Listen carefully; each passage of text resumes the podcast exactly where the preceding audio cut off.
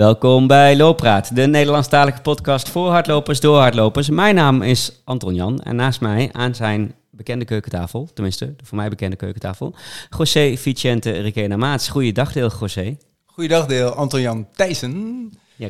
Hoe is het? Ja, goed hoor. Ja, Ja. het is warm hè? Het ja, ja, is het nu ook warm? Dat valt er mee. Ja, hier binnen wel, ja, inderdaad. ja, maar. Ja. eh, in jouw goed geïsoleerde huis. Maar de afgelopen weken was het natuurlijk ook best wel warm. Ja, hoe is het? Hoe gaat het lopen? En, eh, Ja, zo Nee, na, na onze Lavredo special. Ja, ik ben eigenlijk wel lekker gewoon doorgelopen. ja? Ja, je moet even terug, ik zie jou denken, maar we moeten even terug in de tijd. Ik Maar kan zo lang, gebaren maken. zo lang geleden is het natuurlijk niet dat we en een Lavaredo special en eh, Ja. de aflevering met Ramiro eh, hebben, hebben Ja, opgenomen. ja. Ehm, maar nee, Je ik ben, sindsdien gewoon lekker aan het rennen. ik ben gewoon en- doorgelo- doorgelopen en door gewoon normaal geëet. En de En pijntjes? eh pijntjes hier, pijntjes daar, het zijn er altijd. Maar, niet eh, noemenswaardig. Alleen nog steeds last van mijn onderrug. Eh, golf? Eén keertje maar. En toen had ik het al. Hmm, Dus niet de oorzaak dus. nee, Ah ja, het kan Ja. ook het zitten zijn hè? ja, En ik zit je- veel. Ja, ja. Maar ik loop ook veel. En dan Ja. gaat het... Ja, nou ja, als je Ja. die volgorde vasthoudt, dan eh, komt het gewoon helemaal goed. En, en we ik ga op vakantie heel veel niet zitten. Dus eh, ah ja, want vakantie. we zijn er bijna. ja, hè? ik Oh, eh, we ga. heen. denk als dit live staat, dan Ja. zit ik misschien al eh, in de auto eh, onderweg naar. eh, eerst naar. eh, ergens tussen Venetië en Rimini in. eh, Italië, aan de oostkust. Ja, mooi. Dan nog eh, een paar dagen Venetië, een paar dagen meer van Lugano. Oh. Dan naar huis. Huh? Ehm, en dan nog een weekje op en neer naar Marathon. Naar Oh, Griekenland. Had je er Ja. niet door kunnen rijden gelijk naar... eh, Nee, want Oh, ja. dat is niet handig rijden. Nee, Eh, nee, nee. Ehm, Weer technisch wordt het misschien wel een uitdaging. Hoe heter, hoe beter. Ja, maar Ja. als de hagelstenen naar beneden vallen... dan heb nee, maar die vallen nu allemaal. Dus, eh, ja. Tenminste in Italië. Dus Wat die, nu die valt, zijn- dat valt zo dat valt dadelijk niet. Anders neem je schaatsen mee. Daarom, nee. Zoiets. En sowieso eh, Ja. eh, is Italië heel groot. zomer. Dus eh, ja. Nee, er is heel veel zin in. Ik ga ook veel lopen. Zeker, in zeker in marathon natuurlijk. Ja. Eh, maar ook in, eh, ook in Italië. Mhm. Ik zie er wel een klein beetje op, want ik heb natuurlijk alweer op Komoot alle plekjes zitten verkennen en zitten kijken. En je kunt eh, overal de mooiste plekjes en, en wegen. Maar Mhm. je weet dat ik best wel bang ben voor honden tijdens Ja. het hardlopen. Ja. Ehm, en in Italië valt het nog wel mee wat ik Mhm. gewend ben. Maar ik heb me laten vertellen dat Griekenland er meer zwerfhonden dan mensen zijn. Maar Italië Eh, heeft er ook al wat, maar Griekenland heeft er heel veel. ja, ik ben Ja. het in Italië niet heel eh, erg gewend. En die ik ben tegengekomen, die waren vaak nog eh luier en, en, en, en lammer dan, eh, dan mijn puberkinderen. Eh, sorry jongens, die luisteren toch niet. Eh, volgens mij luisteren ze wel. nee, ze luisteren niet. je het zeker? Ehm, Maar nou ja, we, we zien wel. Ja, Eh, ja. Nou ja, kijk, één ding En anders loop ik gewoon op de grote weg, en, eh, Mm. want dan lopen ze niet. En als ze er wel lopen, dan... eh, Onthoud gewoon één ding. Als ze een staart tussen de benen hebben, dan eh, zijn ze niet bang. Zijn de haren recht omhoog, eh, dan eh, pakken ze af. Dan zijn ze wel bang. Zijn de haren recht omhoog, dan moet je oppassen. En Ja, dan mag jij je staart tussen de benen ik wil gooien. net zeggen, ik ben meer Ehm, bang voor mijn staart. ja. Hey, maar over he- hitte gesproken... Eh, Nee, over hitte gesproken en over exotische bestemmingen. Zo, ja. Wat heb jij Jeetje. beleefd de afgelopen tijd? Poeh, nou, ehm, gelukkig had ik eh, mijn tas mee, want eh, veel vertragingen eh, die, naar die route toe. Balkan, kan jij je nog iets uit de Balkan herinneren dat je er bent geweest? We hebben het over voormalig Joegoslavië, nu lang Balkan natuurlijk ken ik van de oorlog. Servië, Kroatië. Ik zat in Montenegro. En van Maradona en Messi. Die alles met de Balkan. Ja. Zo ja, nee. Sorry, ga door. Echt. Eh, Montenegro zat ik. Ja. Waarom? Prachtig, eh Want, want, prachtig want, land, want, daarom, zijn we vandaag ook hier met onze gasten. Ja, waarom? Eén keer per jaar ga ik met de NKBV mee eh, voor het Nederlands team De Sky. NKBV. Ja, Nederlandse Klim- en Bergsportvereniging. Ja? En zij organiseren het, het Skyrunner, het NK ook in samenwerking. En we hebben een heel mooi team waar, ja, waar we met mannen en vrouwen voor EK en WK aanwezig zijn. En eh, dit jaar was het Montenegro. Voor het Ehm, EK. Ja, voor het EK. Ja? Ehm, het land aan zich qua natuur heel uitdagend. We werden vooraf werden we gewaarschuwd, let op beren. Ragnar, die ook mee was, Ragnar de Bad, eh voormalig eh, wereldkampioen, had zelfs een speciale bel bij zich. Onze gast had, heeft dat niet gedaan. Uh, maar ze hadden een speciaal beerbelletje bij ons en er werd best wel lachen over gedaan. Maar in het gebied waren dus ook echt beren. Uh, maar Montenegro, ja, en jij was daar, uh, want, want voordat oh, ja. je al het gas van onze ja. gasten nee, uh, voor de voeten wegmaakt, jij was daar als crew aanwezig, hè? Jij, uh, Verzorger crew. Dat houdt in de mannen en de vrouwen oplappen voor die tijd als ze al een pijntje hebben en na die tijd als ze te veel pijn hebben gehad. Maar tijdens de race had ik een hitteprotocol bedacht. Dat betekent dus als die mannen en vrouwen rond de 40 graden moeten gaan sporten, moeten ze ook gekoeld worden. En... Um, daar had ik al bedacht dat uh, ik uh, panties had gekocht met, met ijs daarin. Um, zodat ze konden koelen tijdens het lopen. En dat werkt goed. Um, maar voordat we het gas weer gaan wegmaaien. Ja, ja. Daar was één atleet bij die wel heel erg erbovenuit sprong. Met tranen in ogen keek ik Dat kwam ongetwijfeld ook door jouw panties met, uh, met, nou, uh, met ijs Ik denk dat mijn panties helemaal geen goed effect hebben gehad. Nee? Daar hebben we het later ook nog wel over. Ja. Ja. ja. Wie hebben we te gast, uh, José? René Cardinaal. Zij René schreef met dubbel E en een streepje op de E. Ja, sinds 2018 toch echt wel in een picture. Tweede plaats NK Skyrunning. En vanaf dat moment alleen maar omhoog met allerlei podiumplekken in binnen- en buitenland. Uh, en vierde bij het EK Skyrunning afgelopen, afgelopen, uh, afgelopen EK, ja. dus vierde plek. Ja, ik was, uh, ik was erg trots ja. op. Ja. Welkom René bij Looppraat. Dankjewel. Ja. Dankjewel voor de uitnodiging. We zijn heel benieuwd naar jouw verhalen van, van het EK Skyrunning. Überhaupt naar Skyrunning hebben we ook wel wat vragen over mm -hmm. gekregen. Van wat is nou dat Skyrunning in vergelijking met bijvoorbeeld trailrunnen? En waarom zit dat dan ineens bij de NK... Ben ik het weer vergeten? BV. NKBV en niet bij de Atletiek Unie of bij, uh, bij uh, andere um, dingen. Mm -hmm. Maar wij kunnen Looppraat niet beginnen uh, zonder aan onze gasten eerst vraag te stellen. Hoe is het lopen überhaupt bij jou zo begonnen? Voordat je tot de skyrunner, trailrunner bent geworden die je nu bent. Ja, ja dat is een goede vraag. Um, ik ben van oorsprong een paardenmeisje. Dus uh, ik was vijf toen ik voor het eerst op een paard zat. En acht toen ik echt uh, helemaal uh, all the way paardenmeisje werd. Dus dat was vijf, zes dagen per week op de manege. En dat heb ik eigenlijk gedaan tot mijn 18, 19, 20ste. En ergens zo in mijn tienerjaren begon ik daarnaast ook een beetje hard te lopen, gewoon om fit te blijven. Um, ik vond het paardrijden leuk, maar fysiek werd ik er, uh, ja, had ik wel iets meer uitdaging nodig. En eigenlijk loopt mijn vader al zo lang als ik me kan herinneren. Uh, de eerste keer dat ik ook ging hardlopen was met mijn vader. Toen had ik een uh, trainingspak gekregen van mijn grotere, oudere nicht. Maar achteraf bleek dat trainingspak een skipak te zijn. Dus ik had het na drie minuten hardlopen had ik het wel Zijn hier foto's van en mogen we die delen op het loperaad Instagram? het was volgens mij ook knalroze, dat pak. Ja. Dus toen had ik het na drie minuten wel heel warm. Toen vond ik hardlopen echt niks aan. Dus toen ben ik maar weer omgedraaid naar huis geschokt. um, maar goed, in mijn tienerjaren dus iets vaker gaan hardlopen. Maar ook nog niet echt uh, fanatiek of zo. Nou, en toen stopte ik met paardrijden en toen viel ik een beetje in een gat. Want ik had, ja, dat, dat was wat ik zeven dagen per week deed. En uh, mijn hele vrienden... in een gat vallen dan van je paard. Hè? Ja, ja, absoluut. Dat, absoluut heb ik ook wel een paar keer gehad. dat is een ander zwart gat waar je dan in valt. Ja. Um, ja, dus toen wilde ik iets nieuws zoeken eigenlijk. Een, een nieuwe passie, een nieuwe hobby. Dus heb ik een aantal dingen um, heb ik uitgeprobeerd. Maar uiteindelijk bleek hardlopen voor mij gewoon ideaal. Omdat ik dat kon doen op elk moment. Ik kon mijn schoenen aantrekken. Um, ik kon er de uitdagingen zoeken die ik zelf wilde. Dus ik kon zelf mijn grenzen verleggen. En daar liep ik met paardrijden altijd tegenaan. Van, uh, het was leuk, maar een deel van de prestatie lag ook een beetje aan je paard. Hoe goed, ja. hoe goed je paard was. Wat fysiek is ehm, paardrijden wel zwaar, hè? Ik bedoel, dat wordt vaak onderschat. Ja, ik, ik vond het vooral mentaal heel zwaar. Want je, ik moest echt, zeg maar, uh, heel erg geconcentreerd zijn. Elke beweging van het paard moet je voelen onder je. En daarop reageren. Dus, uh, dus dat vond ik, denk dat ik kon echt na twee uur paardrijden kon ik helemaal uitgeput zijn om die reden. Um, maar fysiek uh, ja, kon ik wel wat meer uitdagingen aan, denk ik. Um, dus ja, het hardlopen, toen begon ik, uh, ja, ik ben gewoon op de weg begonnen, dus niet bij een atletiekvereniging, gewoon zelf een beetje aanmodderen.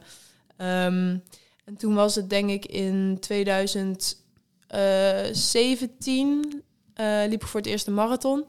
Ehm, dus dat is ja, 2016 voor het eerst halve marathon afstand, 2017 marathon afstand. Dus ik merkte al wel vrij snel dat gewoon het langlopen mij, eh, mij wel redelijk makkelijk afging. Ehm, overigens totaal niet snel of zo, daar was ik ook helemaal niet mee bezig.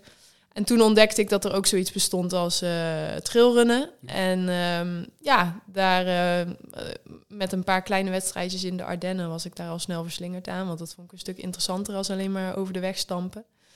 Um, ja, en zo is het eigenlijk een beetje gegroeid van de Ardennen naar de Vogezen, naar de Alpen.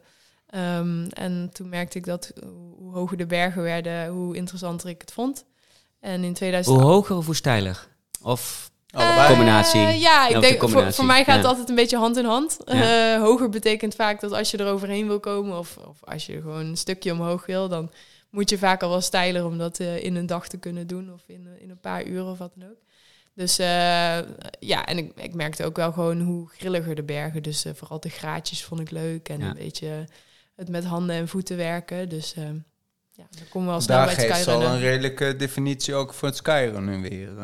Toch? Ja, ja. Hoe zou jij zullen, het we, definiëren? zullen we die meteen erbij pakken, ja, inderdaad? Dat is een goede. Ja. Ja. Ja, ik heb, me, ik heb me een beetje slecht voorbereid, want ik weet de officiële regels weet ik niet. Want er- ik help er- er, is Ja. een, eh, er is een officiële definitie voor.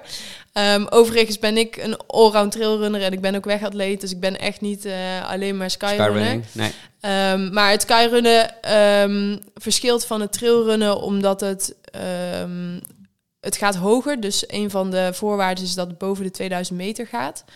Ehm, en eh, er moet ook een bepaald stijgingspercentage in zitten volgens mij. Dus 30% heel goed. Ja. oké, ja, dus Gemiddeld 30%. Ja, nou over 5% van het traject. Oké, Ja, check. en de summit. oké, ja. Ja. Nou ja, en je ziet dus dat vergeleken met trails is een skyrace is iets technischer. Dus je komt vaker ook stukken tegen waar je je handen, je handen moet gebruiken om te klimmen. Ja. Je komt vaker over graten waar je misschien niet kunt rennen of over grote rotsblokken. Dus er zitten vaak eh, ja, technischere stukken eh, tussen. En de, de stukken die je bergop gaat, ehm, die zijn vaak te steil om te rennen. Terwijl er redelijk wat trails zijn die je bijna in theorie bijna helemaal zou kunnen rennen. Ja. Wat dus bij het skyracen niet zo vaak voorkomt. Ehm, en je hebt ook echt in Italië van die authentieke skyraces waar je, waar je ook nog met z'n tweeën bijvoorbeeld met klimmateriaal, ehm, ehm, ja, waar je klimmateriaal nodig hebt om überhaupt Ja. de race over te En het kunnen. is dus en hoger, al- al- als in dus je hebt waarschijnlijk ook meer last van eh, lu- luchtdruk of ijdele lucht en dat soort zaken en zo. Ja. En steiler, maar wel korter neem ik aan dan, dan, de, dan de lange ultra's. eh, in- in- in de Mm, niet per se. Niet want per er. Is, nee, er is ook een ultra-afstand. Soms is die 80 kilometer. En die hebben we meegemaakt eh, in eh, Portugal, eh, geloof ik. waar, eh, ja, waar Atleta mee deed. Ik wou weer namen gaan noemen, maar dat heeft geen nut. Ja. Ehm, en soms is hij gewoon niet korter. Want nu hadden we als maximaal 56 kilometer in. Montenegro. Ja, dat is wel een ultra. Ja, dus. maar dat is een ultra. Ja, ja. Ja. Ja. Oké. Maar ze Ja. maken eigenlijk onderscheid tussen de klassieke afstand. En de klassieke afstand is altijd relatief kort dan. Dus dat is geen ultra. Dat is meestal tussen de 25 en misschien max 30 of 32 kilometer. Ja. Maar dan zitten er wel minstens 2000 hoogtemeters in. Ja. In Ehm, zo'n relatief korte eh, afstand, ja. dus, dus stijl. Ja, Dus ja. dus qua tijd doe je Ja. er me- misschien even lang over als Ja. een 50 kilometer. Vooral Ja. als het terrein heel moeilijk is. En dan heb je de ultra-afstand. En de ultra-afstand is dan inderdaad eerder zo'n 55 tot 65 kilometer. Met dan Ja. eerder 4000 of 5000 hoogtemeters. En heel, heel plat gezegd, het zit dus ergens tussen trailrunnen en bergsport in. En dat is waarschijnlijk ook de reden dat de Ja. NKBV het heeft Het klopt precies. Ja. Ehm, NKBV zegt ook van nou, hier zit zo'n stylings in eh, percentage in. Eh, dit, dit kan gerust bij onze bergsport eh, terecht. Eh, trailrunning eh, en eh, de knauw eh, vindt het helemaal sowieso niks. De knauw heeft dan moeite met trailrunnen. Eh, Atletiek maar, eh, Unie heet het al een jaar of twintig. ja, maar- ja, dan kan ik een Nederlandse atletiek unie knauw eh, in de volksmond. Eh, in- in- voor mij in, In de wel- volksmond van de 50-plussers. ja, dat is niet erg. Eh, niks mis mee. Maar er zijn ook mensen die dit luisteren, die mijn leeftijd hebben. Maar Atletiek Unie, eh, die heeft dat zo, eh, zo bedacht. Eh, dankjewel voor deze grinnik eh, nog, Anton-Jan. Eh, maar NKBV, die, eh, Ja. die omarmt eh, deze sport ten volle. En eh, terug naar het skyrunnen. Nee, terug naar, het, naar jouw carrière tot nu toe. Eh, wanneer, wanneer bleek ook uit je uitslagen dat je dit best wel aardig kon? Eh, nou, dat was denk ik bij het eerste keer dat ik het, het NK skyrunning meedeed. Eh, toen werd ik tweede. En dat verraste mezelf wel. En dat was toen nog in de periode dat je ergens tussen de Ardennen en de Vogezen zat? Of Ja. was je toen ook wel al vaker naar de, naar de echte bergen geweest? Nee, ik had, toen, eh, ik had toen één wedstrijd in de Vergezen. Dus dat was de Trail de Grand Ballon volgens mij had ik gelopen. En toen heb ik de Cortina Trail gelopen. Dus dat was Ja. dan de Lavaredo Ja, die, die jij net ook hebt gefinished. Ja. Ja. Ehm, en toen was volgens mij twee weken daarna was het NK Skyrunning. Dus toen had ik een klein beetje ervaring in de bergen, maar nog niet echt met het, met het skyrunnen zelf. Dus dat ik daar tweede werd, was voor mij verrassend. Ehm, en daarmee plaatste ik me voor het team dat dan naar het WK zou gaan in Schotland dat jaar. En toen heb ik, eh, daar zat een zomer tussen, want het WK was in september. En toen heb ik eigenlijk gezegd van oké, dan ga ik deze zomer eens kijken wat ik eruit kan halen en het eh, wat ja, professioneler of serieuzer aanpakken. Ja. Eh, en dat is toen wel aangeslagen, dus dat heb ik gewoon doorgetrokken na het WK. Ja. En, en waar was het NK? Want dat is niet in Nederland, neem ik Nee, aan. nee, dat klopt. Nee, dat kan sowieso niet in Nee. Nederland. Nee. Eh, hoogtemeters kan wel in Nederland, maar meer dan Sky- 2000 meter niet. nog Nee. nooit en zal ook nooit in Nederland nee, eh, nee, kan niet worden. met Nee. deze regels. Nee, Nee. nee. Nee. Ehm, het was toen in eh, Zwitserland, eh, vlakbij de Italiaanse grens. Ehm, het is ook in Frankrijk geweest in de afgelopen jaren en dit jaar is het in Oostenrijk. Dit jaar, als in, dat komt nog. Het Ja, komt nog, ja. September. Komen daar ook op het einde vast nog wel Ja. even, even op terug. En ehm sneltrein, sneltreinvaart door naar het EK, het afgelopen EK. Ja. Waar eh José eh, met zijn eh, panties vol met ijs eh Ja. rondliep, maar ook met zijn... eh, met zijn- massageolie. Met zijn, ik ken hem, ken zijn crewkwaliteiten en zijn massagekwaliteiten. Dus eh, Ja, maar en niet te vergeten als een attributen, want hij Oh heeft ja, wel ja, meer dat uitgeleend. Ja, ja, ja. zijn, zijn attributen. ja, ja, leg maar even uit, want Ja? hij kijkt weer heel vreemd naar Ja. René. Ja, ja, ja. Had hij wel eens dingen uit kastjes dat ik Ja. denk... Ja, Nou, maar. Attribuut. Nou ja, Ja. Ragnar had de dag ervoor eh, op de ultra-afstand had ze de hardloopband van José mogen lenen, waar de stokken heel mooi achterin kunnen. Oh ja, zo'n compressor, of die... eh Eh, Noordface. Noordface, Ja. Ja. ja. Ja, hele mooie, fijne, Ja. dunne stof, Ja. waar je geen last van hebt. eh, Die ook in Lavaredo had. die ik in Ja. Lafredo ook Ja. had. Ja, en ik, ik train wel met stokken, maar vaak als ik echt wil racen, racen, dan laat ik mijn stokken thuis. Ja, Ehm, maar door mijn ervaring met de vertical zullen we dadelijk nog wel misschien opkomen. Maar door mijn ervaring met de vertical dacht ik, hmm, misschien kan ik wel mijn stokje hier gebruiken. Maar ik had me er helemaal niet op voorbereid, dus ik had niks bij. Dus toen eh, zei ik tegen Ragnar, hey goh, die band die je om hebt, hè, waar eh, komt die vandaan? dus toen hebben we hem eventjes Ja. met de hand gewassen en toen heb ik hem de volgende dag Ik gebruikt. had één Dus, gouden eh, regel, Ja. stuk maken is betalen. ah, Ja. check. Ja. Dat is niet gebeurd. Ja. Een kleine verkleuring mag altijd. Maar, maar je zegt eh, eh, vertical. Ik weet, ik kijk je vragend aan, maar ik weet wel wat het is. Maar voor onze luisteraar, wat is een vertical? Ja, een, een vertical is dan eigenlijk weer een aparte discipline. Is niet per se verbonden aan skyrunning. Maar een vertical is een wedstrijd, het is officieel heet het een vertical kilometer. Ja. ehm, waarbij binnen 5 kilometer 1000 meter gestegen moet worden. En meestal zie je dat de wedstrijden zo ja, tussen de 3 en de 5 kilometer lang zijn. Met dus 1000 meter ehm, ja, omhoog, eh, elevation gain. Ehm, en je gaat ook alleen maar omhoog. Dus de finish is boven. ja. Ja. En voor skyrunning is die altijd nog steiler dan voor het En dat is een soort warming-up evenement voor, dat, mij wel. Of, voor jou? Voor- voor of, sommigen of is zijn het er voor het mensen is het hoofdevenement? Oké. Ja, Want, dus- want zo'n EK is, heeft gewoon verschillende programma-onderdelen. En Ja. een team wat dan vanuit Nederland daar naartoe gaat, doet of met één discipline mee, of, Of met meerdere, of, Of met eh, allemaal. Ja, ja, Ja. precies. Maar je Ja. hebt dus eh, uphill specialist. Ja. Eh, en dat zijn mensen die doen alleen maar omhoog rennen. En die durven ook echt niet naar beneden te rennen. Dat, Nee. is, Ja. dat is heel interessant om te zien. Eh, maar die zijn echt heel sterk in omhoog. En dat zijn dus vaak de, de heren en de dames die op die disciplines meedoen en Europees kampioen worden. En jij deed daar nu eigenlijk aan mee als een soort, nou niet opwarmertje, wel, eh, dat klinkt oneerbiedig, maar Ja. wel, het was niet jouw hoofddiscipline. Nee, het, Nee. Is, het is zeker, het is nooit mijn focus. Eh, ik, doe, ik doe vaak de vertical mee omdat eh, de NKBV het aanbiedt. En omdat eh, we gaan al vaak met een redelijk klein team. En het is wel gewoon leuk als je op zoveel mogelijk onderdelen ja, je, jezelf neerzet als land, vind ik dan. Dus voor mij hoort het er altijd een beetje bij om de vertical te doen. Tijdens de vertical vraag ik me altijd af waarom. Ja. Maar achteraf is het wel leuk, ja.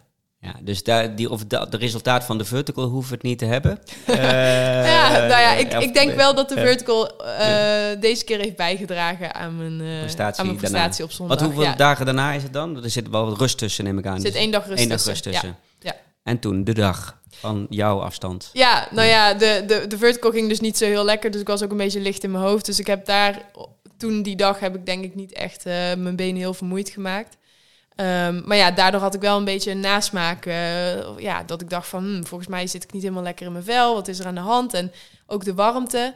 Dus ik had eigenlijk in die dagen, ehm, ook omdat de, de atleten op de ultra-afstand, die, die kwamen eigenlijk een beetje beduusd terug. Die hadden echt zoiets van, nou jeetje, wat was dit nou weer voor route? En zwaar en moeilijk en de warmte. Dus ik had heel mijn verwachtingen voor het EK had ik bijgesteld. Want ik was vorig jaar op het wereldkampioenschap, was ik veertiende. Dus ik dacht voor dit jaar, nou, ik zou het gaaf vinden om top 10 te kunnen finishen. En Ja. ik dacht ook wel van, nou, dat moet er wel in zitten. Maar ja, toen heb ik dus mijn, ehm, mijn verwachtingen bijgesteld. En eh, s ochtends, we- de start was om 7 uur s ochtends. Ik had s ochtends een beetje mijn warm-up gedaan. En ik zei tegen José, ah, volgens mij heb ik een beetje spaghetti benen. Het voelt niet helemaal lekker. Ehm, dus ja, we gaan wel gewoon zien. En nou ja, ik zei net al, normaal gesproken zou ik geen stokken meenemen. Nu had Nee. ik wel stokken bij. En dat is dan toch wel een teken van... Nou ja, dan heb ik dus misschien stokken nodig om daarop terug te vallen. Om, om toch nog een beetje door dat parcours heen te komen, zeg maar. Dus ik, eh, ik ging van start en ehm, ja, relatief rustig gestart. Maar ik kwam boven na de eerste klim als twaalfde. En toen dacht ik, oh, nou, twaalfde, dan is top 10 misschien nog wel eh, haalbaar. Hoe weet je, hoe weet, dat, dat zeggen dan je crew, eh, eh, je, of, of zie Nee, dat op een scherm, of Nee. dat je twaalfde ligt? Nee, Tel je dat? Mijn crew, mijn crew stond daar nog niet, maar de mannen waren vijf minuten eerder gestart. ja, En we kwamen dus achterop bij de achterhoede van de mannen, zeg maar. En daar liep een Belgische jongen tussen, die we al eerder hadden gesproken. Dus ehm, die Belgische jongen die had gewoon lopen tellen. Dus die zei tegen mij, eh, je, bent, je bent twaalfde, Ja. je bent twaalfde en voor je kunnen ze niet, kunnen ze niet afdalen. Ah. Dus toen dacht Ja. ik, hmm, Tussen, Interessant. tussendoor, aan Sajan, Er is perspectief. hadden wij Ja. met België ook een afspraak dat we hun ook zouden verzorgen. Ja. Uh, maar zeiden we, mits als je wat pionenwerk voor ons verricht. Ah, Nou, nee, dat, dat laat ik Ja. eruit knippen. Ja, ja. Nee, maar de, dus zodanig hadden we al wat... eh, eh, José. weet ik, Nee. weet ik, weet ik. Maar zodanig Ja. hadden we dus een extra relatie met eh, Ja. België. En dat zetten we zo voort. En dus, wist jij dat je gewoon twaalfde ja, lag? Ja. ja. toen wist ik dat ik twaalfde was. En eh, eh, toen kwamen we eigenlijk op het technische stuk. En dat vind ik het leukst. En ik eh, denk ook wel dat daar mijn sterke punt ligt. Ehm, dus dat was een beetje klauteren met handen en voeten. En er waren ook wel een aantal dames die echt wel bang waren. Dus daar eh, was ik redelijk snel voorbij. En toen heb ik dus vanaf de top tot, tot en met de afdaling... eh, had ik zes dames ingehaald. Dus liep ik ineens zesde. Ehm, en toen kwam ik bij de eerste verzorgingspost binnen. En daar stonden José en Rogier... Met water en ijs stonden ze klaar. En alle jelletjes. Want het was en- nog steeds zo heet, net zoals ja, bij de ja, ja, eh, absoluut. Ja. dus het scheelde Ja. dat we om zeven uur 's ochtends waren gestart. Ja. Eh, maar het was zeker nog wel warm. Ehm, nou ja, toen ging ik de tweede klim in. Toen werd ik nog even voorbij eh, gehaald. Maar die, eh, ja, daarna was er weer een hele lange afdaling. En afdalen gaat me ook wel makkelijk af. Dus toen, ehm, ja, in de, in de tweede afdaling zag ik ineens eh, nummer vier voor me op, opdoemen. En toen heb ik dus nog eventjes aan kunnen zetten om, eh, om die nog te pakken. Dus voor mij was eh, als vierde finisher was... niet, niet wat ik had verwacht. En ook, ja, Ja, je ging er met de top 10 ambitie heen. Ja. En stiekem daarvoor had je die zelfs misschien die al een klein beetje vergeten. Ja, Eh, zeker, en ja. dan word je uiteindelijk vierde. Ja, Ja. ja. dus ik was behoorlijk... Zat het eh, podium erin? Heb je daarover gedroomd? Zag, eh, zag nee. je haar lopen in de Nee, verte? nee, zag je het podium lopen? Er zat eh, een minuut of drie, vier tussen. Vier precies. Vier. Ik heb hier alle cijfers natuurlijk paraat. Ja. Vier minuten precies. Ja. En eh, voor de winst eh, 13 minuten nog even hard doortrainen. Oké, maar had, vier minuten is niet veel, toch? Op Nee. eh, Nee, zo'n afstand. En, eh, nee, maar je kunt ze niet zien lopen. Nee, nee, nee. En Eh, er zijn ook al meer mensen die tegen me hebben gezegd... Oh, het is wel zonde dat je geen derde bent geworden. Maar voor mij was vierde al zo'n cadeau... Ja. dat ik echt helemaal niet bezig ben geweest met nog meer. Eh, voor mij was zesde lopen al een cadeau. Dus Ja. ja, ja dit was gewoon fantastisch. Ja. Plus, je moet je ook voorstellen, Anton-Jan, dat er echt landen meedoen die met vier atleten aan de start staan, zoals in Italië en Spanje, allemaal topatleten. Ja, zo, als je die al voorbij gaat, dan heb je al een sponsor eh, te pakken, vind Ja. ik. Eh. Dat zijn echt dames van hoge kwaliteit. Dus ik was daarom ook super blij toen ik eh, René eh, als vierde zag binnenrennen. Het is echt super knap gedaan. Die, ehm, wat wou ik nou zeggen? Oh ja, nee, oh, dat afdalen. Ja, Puur eigen belang. Eh, maar ik weet 100% zeker dat veel luisteraars die vraag ook hebben. Wa- Wat is het geheim van wel durven dalen? ja.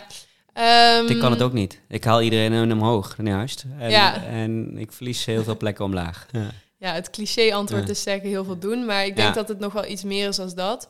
Ehm, wat voor mij heel erg helpt is... ehm, proberen om in mijn hoofd een ritme op te pakken en dat ritme met mijn voeten uit te voeren. Dus echt gewoon in mijn hoofd zeggen 1, 2, 3, 4, 5, 6, 7, 1, 2, 3, 4. En dat kan elk getal of gewoon Ja. een, een ritme. Ja, 1, 2, 3, 4 mag ook. Ja, mag ook eh, A, B, C, vooruit. D. 14. Ja. Ja, 14, ja. Of eh 3, 1, 3, Ja, 3, ja. 1, 3, 3. Ja. Maar goed, eh, dus, dus proberen om een ritme op te pakken. En, eh, want ik heb het idee dat op het moment dat je je ritme verstoort, dan vertraag je. Want dan ga je je voet op een andere manier neerzetten en dan rem je af, dan hou je jezelf tegen, probeer jezelf weer in balans te krijgen. Terwijl als je echt, ook al zijn het dan hele kleine stapjes, als je echt gewoon voor elkaar kunt krijgen om in dat ritme te, te komen. Ja, want, want je past je dan je eventueel stapjes en je, je lengte en dergelijke aan op basis van de ondergrond of dat wat, Ja. er, wat er voor je ligt. Ja, Eh, desnoods, om ja. in het ritme te blijven, moet ik Ja. desnoods mijn voet bijna op dezelfde plek neerzetten. Ja, eh, om ervoor te kunnen zorgen. Maar voor mijn gevoel helpt dat nog meer. toch, toch weer die paardensport. Ja, misschien, Hè? ja. en je moet continu anticiperen over het paard wat onder je zit, maar ook... De, Ja, dat- nou wacht even. eh, is het dressuur of military? Of wat heb je Ja, gedaan? ja, Paardensport, ja. hè? Dat is ook nog eens belangrijk. ja, dit is het Eh, allebei een beetje. Nee, maar wat Ja, zij zegt ja. klopt dus Ja. wel. Hè? Die kleine post, dat is heel Ja. belangrijk. En het ritme vind ik ook mooi. Ja. Dat, eh, dat hoorde ik ook Ja, wel die eens. heb ik- die heb ik en nooit je, en je navel Ja. is natuurlijk ook heel belangrijk Ja. erin. Hè? Want Ja. hoe po- positioneer je als je de berg afgaat? Eh, is het meer voorvoet, midvoet of achter? eh, en ga je echt die rem in? ja. Of durf je te dalen? En dat is echt wel een techniek die Ja. je kan aanleren natuurlijk. Ja. Achter, achter iemand aanlopen Ja. is, eh, is ook altijd heel fijn. Ja, dus als je echt wil Kun leren je heel dalen. goed leren eh, hoe, hoe- wat- eraan gaat komen, zeg maar. Ja, ja, en op de een of andere manier ga je dan toch iets makkelijker of ontspannender mee. Ja, Ehm, en sowieso is ontspanning ook wel een grote factor. Dus. Ehm, ik zou dan eerder bijvoorbeeld net zoals dat je eh, intervallen omhoog kunt doen, zou ik ook intervallen naar beneden doen. Dat je gewoon net een klein stukje pakt totdat je echt moe begint te worden. Of voor, eigenlijk liever net voordat je moe begint te worden. Of voordat je gespannen begint te raken. Dus dat je net die ontspanning eventjes, nou zeg eh, een minuutje, twee minuutjes. En dan hike je weer omhoog. En dan eh, zo ga je weer naar beneden. Maar goed, Of, of het liftje omhoog en dan naar beneden rennen. Ja. Liftje omhoog. ja, als je die luxe hebt. ja. ja. Nou Ik, ja. ik, ik, ik weet nog wel heel goed dat het ook het eerste was toen ik mijn allereerste berg eh, trail liep. De OCC toen. Oh ja. Dat ik echt heel veel omhoog getraind had, maar dat ik afdalen gewoon niet getraind had, überhaupt. Ja. Dus ik had en de techniek niet op orde, maar ook de juiste spiergroepen Ja. eh, Ja. niet echt op orde. Dus Ja. daarna heb ik dat beter gedaan.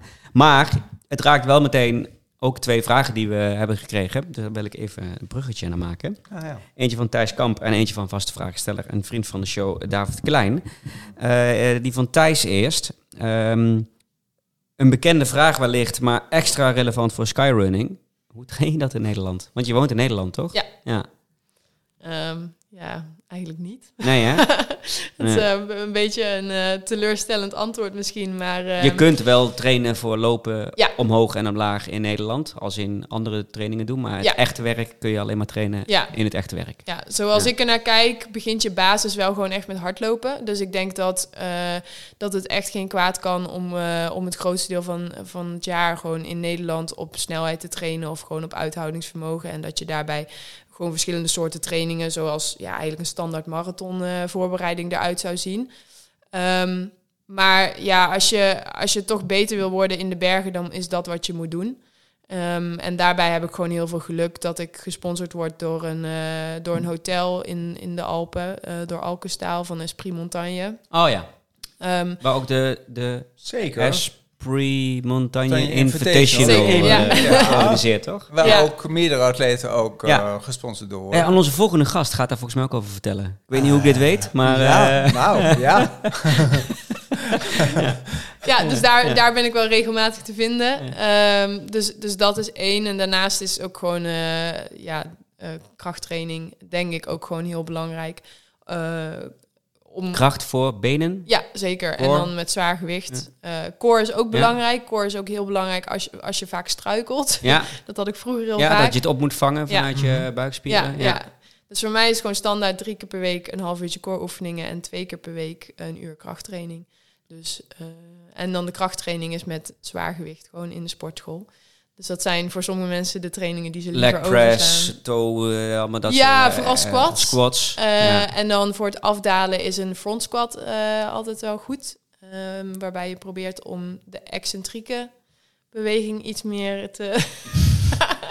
Heel Ja. excentriek. Ja, Ja. ja. je kijkt excentriek. Ja, ja. Stimuleren. Ja, ja, ja. Nee, ja, zo gaat dat. Ja, jij weet wat het betekent waarschijnlijk. Maar- Dus Ja. iets langzamer naar beneden. En Check, dan, ja. eh, en dan eventueel beneden vasthouden.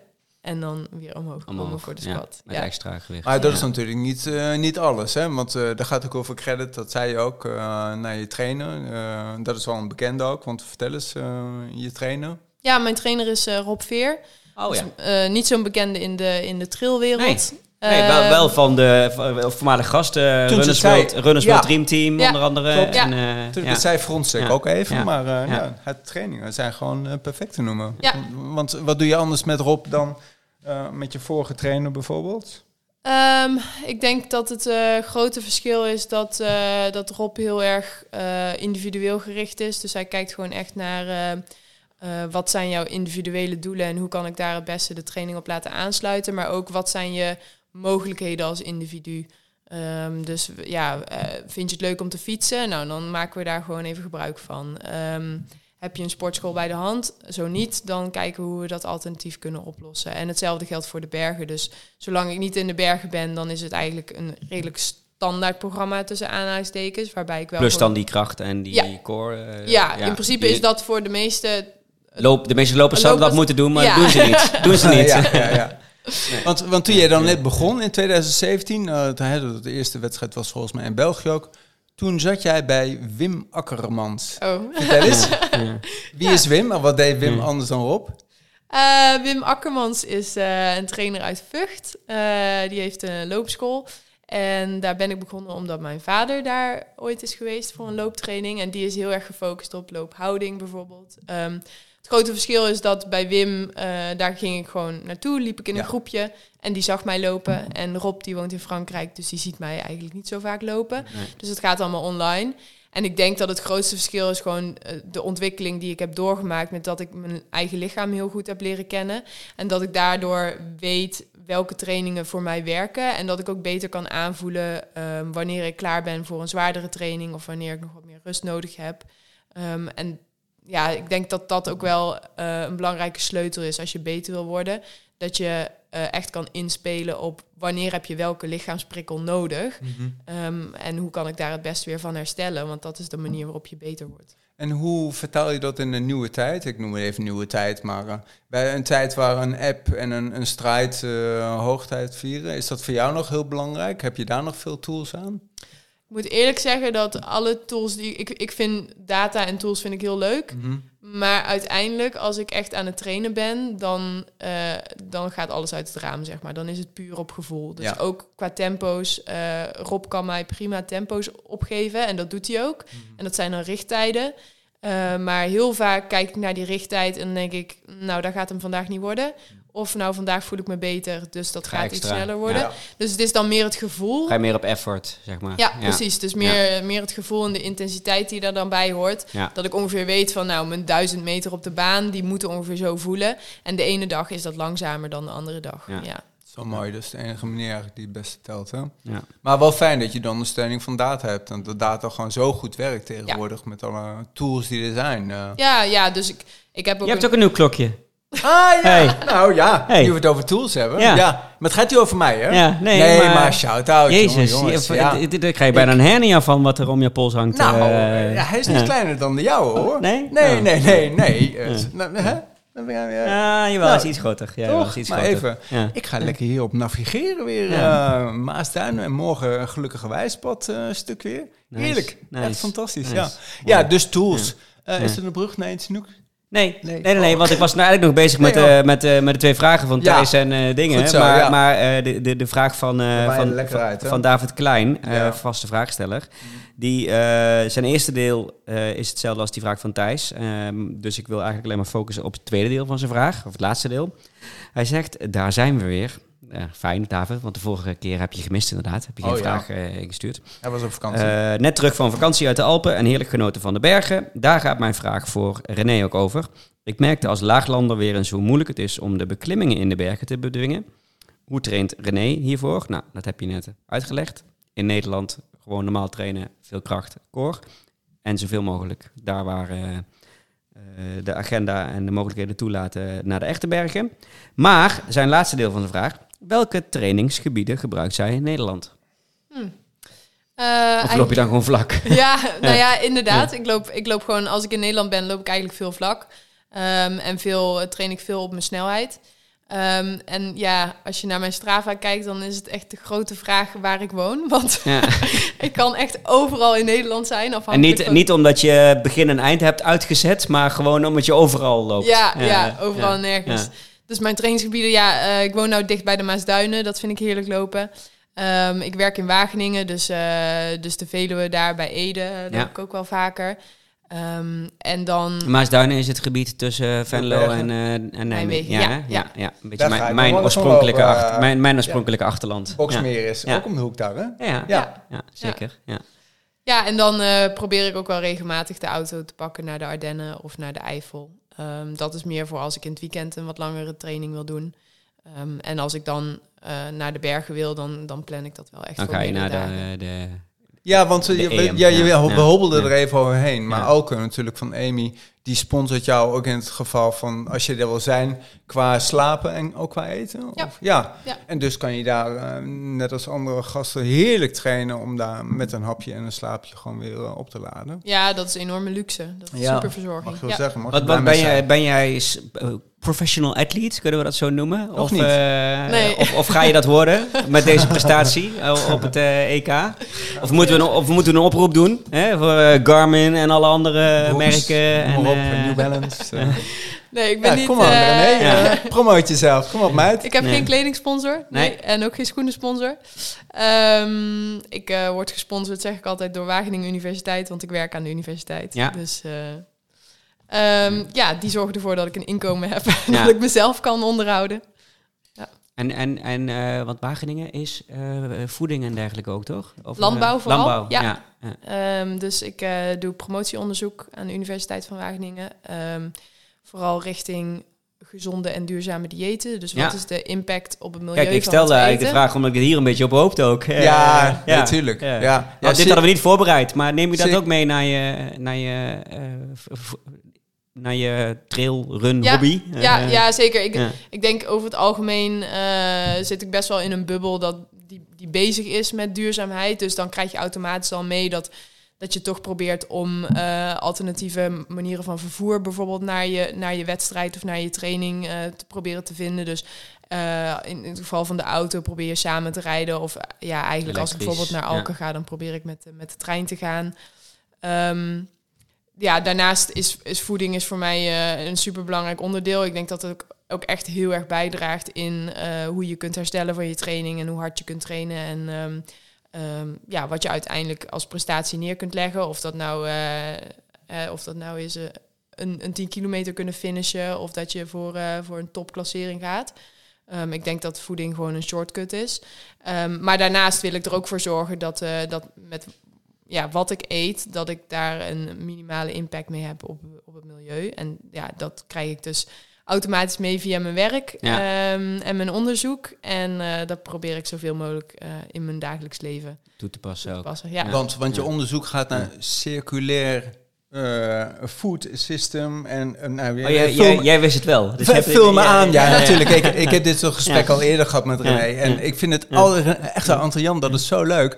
Onze gasten hebben ook inhoud. Voeding is sowieso circulair, niet- toch? Nee, Als ja, je, nee, absoluut. Maar komt er zelf weer uit, hoor. Nee, maar, maar wat leuk, ik wil heel erg aan doen, grapjas. Ja. Maar dat eh al onze atleten, heel veel hardlopers, ook slimme mensen zijn. En eh, we hebben hier een ontzettend slimme dame aan tafel zitten. Een bachelor, bachelor van eh, als ik het goed heb, ook nog eh, op zak.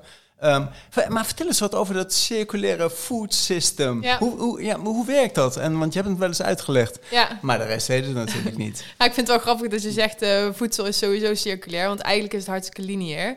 Want wij eten het, het komt er weer uit, maar we, we brengen het niet terug op het land. En eigenlijk zou je het dus in een echt circulair systeem, zou je dus onze... Ja, net zoals bij dieren. Ja, Die poepen het uit en dat is weer de mest voor eh, het... ja, en, en ja, helaas is het bij de dieren is het in Europa ook niet circulair, omdat wij de mest dus eh, eigenlijk niet gebruiken, niet direct gebruiken op het land, maar we eh, niet direct gebruiken op het land waar het voedsel voor de dieren geproduceerd wordt. Want het, het meeste voer voor de dieren komt uit eh, Zuid-Amerika. Nou ja, wij gaan onze mest die vanuit uit onze koeien komt, zeg maar, Ja. gaan wij niet exporteren naar Brazilië om, het daar, om daar de sojabonen Nee, te, te nee. bemesten. Dus eh, inderdaad... eh, het was ooit circulair, maar ja, nu niet meer. precies. Ja. Het, het, het Nee. concept zou Ja. in theorie circulair kunnen zijn. En daar houden wij dus... eh, onze onderzoeksgroep houdt, ons, houdt zich daarmee bezig. Ehm, het heet Circular Food Systems. En we zijn bezig met het ontwikkelen van een computermodel eigenlijk... dat scenario's kan berekenen... waarin we dus doen alsof eh, het voedselsysteem in Nederland... of in Europa of wereldwijd... dat kunnen we dan qua instellingen kiezen... eh, waarin we dus doen alsof het voedselsysteem weer circulair is... En waarbij we ervan uitgaan ehm, dat er een aantal circulariteitsprincipes worden toegepast. Ehm, en een van de belang- belangrijkste principes is dat we geen speciaal voer ergens anders gaan verbouwen op grond waarop we ook gewassen kunnen verbouwen die wij als mensen kunnen eten. Want dat is eigenlijk een beetje zonde.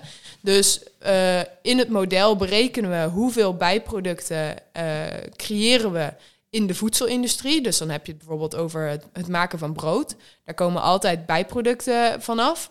Maar die zijn heel goed, eh, die kun je heel goed aan dieren voeren, aan varkens en kippen bijvoorbeeld.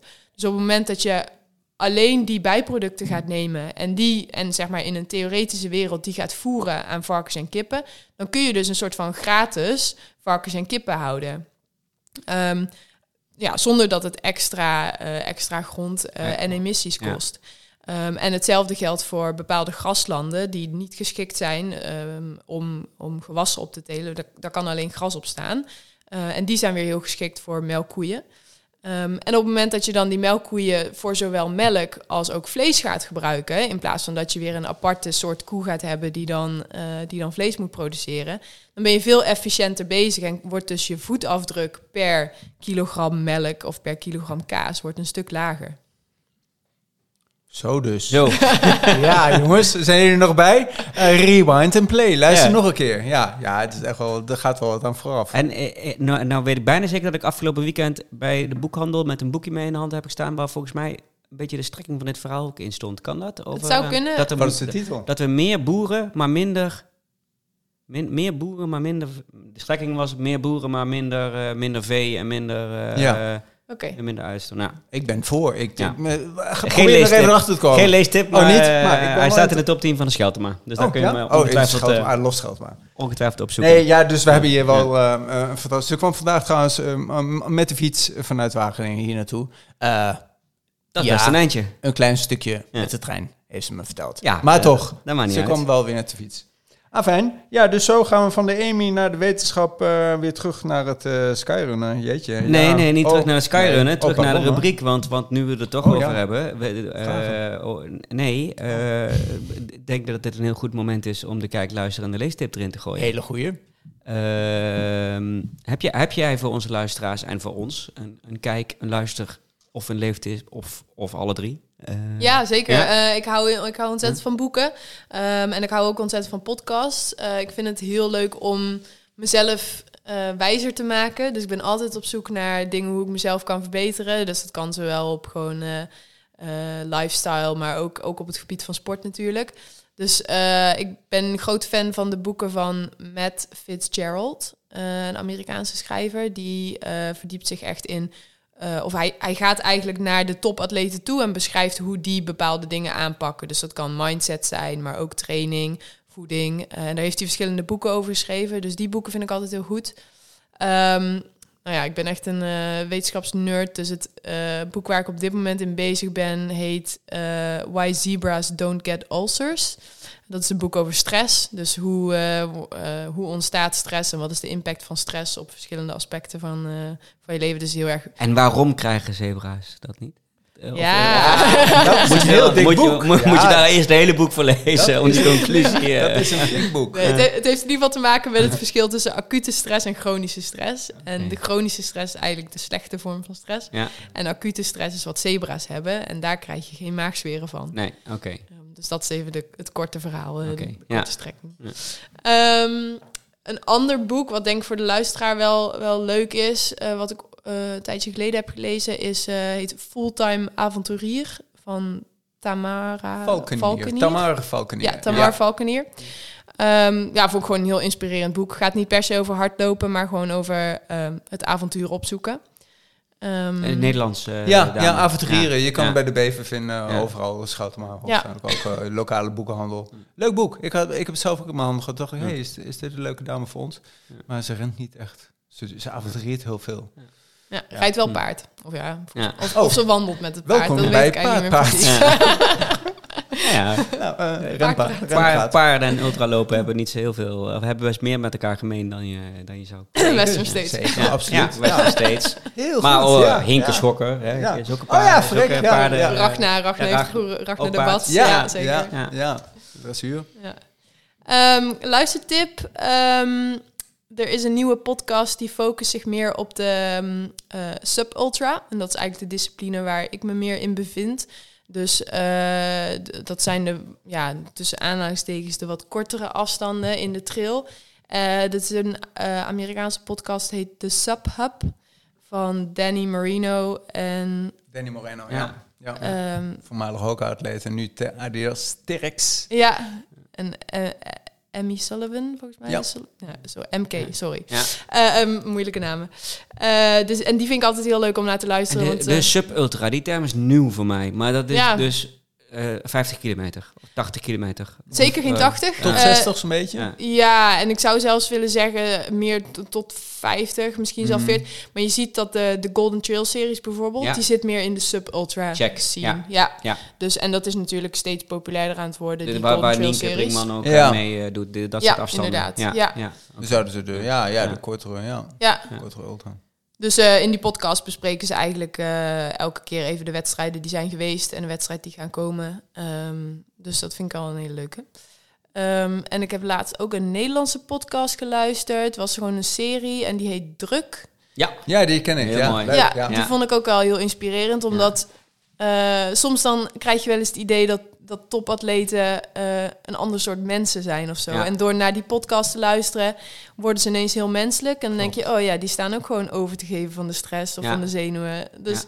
mijn nachtje slapen voor, voor de wedstrijd is helemaal niet zo Is niet erg. zo raar. Nee. Is niet zo raar. Ja, Ja. had je dat in Montenegro ook? Oh Of, ja, eh, nou ja, altijd. In Montenegro heb ik relatief goed geslapen. Eh, normaal gesproken is de nacht voor de wedstrijd bij mij echt een hel. Dan lig ik gewoon eh, vijf uur lang naar het plafond te staren. Dan slaap ik misschien een half Dus uurtje. jij start en liever dan- s'avond laat bij wijze van Ja, oh ja, dat, dat zou Ja, in dan heb je theorie nog kans dat, je die avond ervoor een beetje Ja. slaapt. Ja. Ja, Ja, s'avonds was hij Ja. nog gewoon gezellig Ja. met eh, Ja. en andere atleten Ja. kaartjes aan het leggen. Het was een ingewikkeld kaartspel wat je aan het doen was. Dat Ja, weet ik wel. Ik lag een boek mee. te lezen en ik... Nou ja, ik hoorde eh, Rogier, die deed niet Toepen? mee. Ik weet Nee, het, nee, dat was een van de...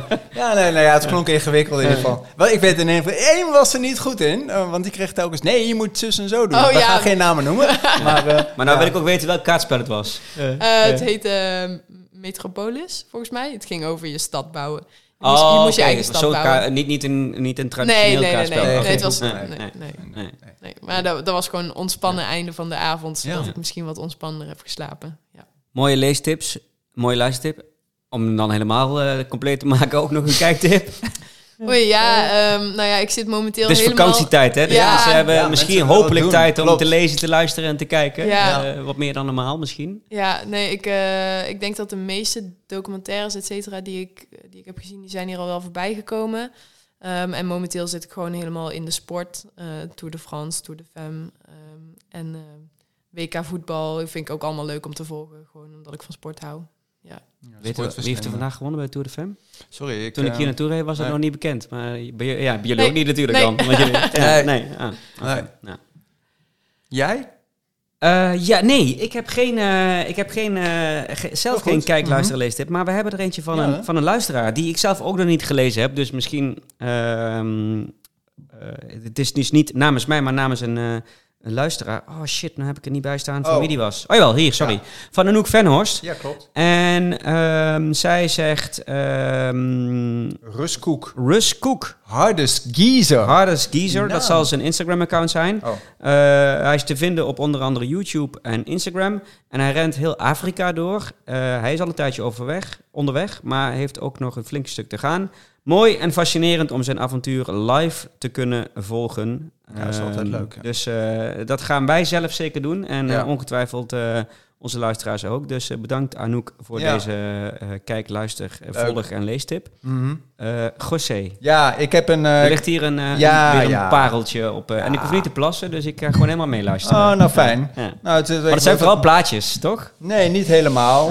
Eh, degene die dit weer gefabriceerd heeft is, eh, en daarom haal ik hem erbij, want ik heb hem nu afgelopen skyrunning ook weer echt een half uur lekker met hem gekletst. Ik kom hem, iedere keer kom ik hem tegen bij skyrun races.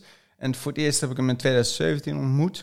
Eh, het is Running Beyond. Het is een boek waarin hij al zijn foto's heeft vastgelegd, maar ook wedstrijden heeft beschreven. Eh, en dan zijn naam nog niet genoemd, hè? Oh, nee, Ja. nee. Maar Ja. dat- ik houd de spanning nog even Ja. hoog. Het gaat voornamelijk over ja, wedstrijden die ook gewoon zijn naam al aandoen, eh, skyrunning technisch.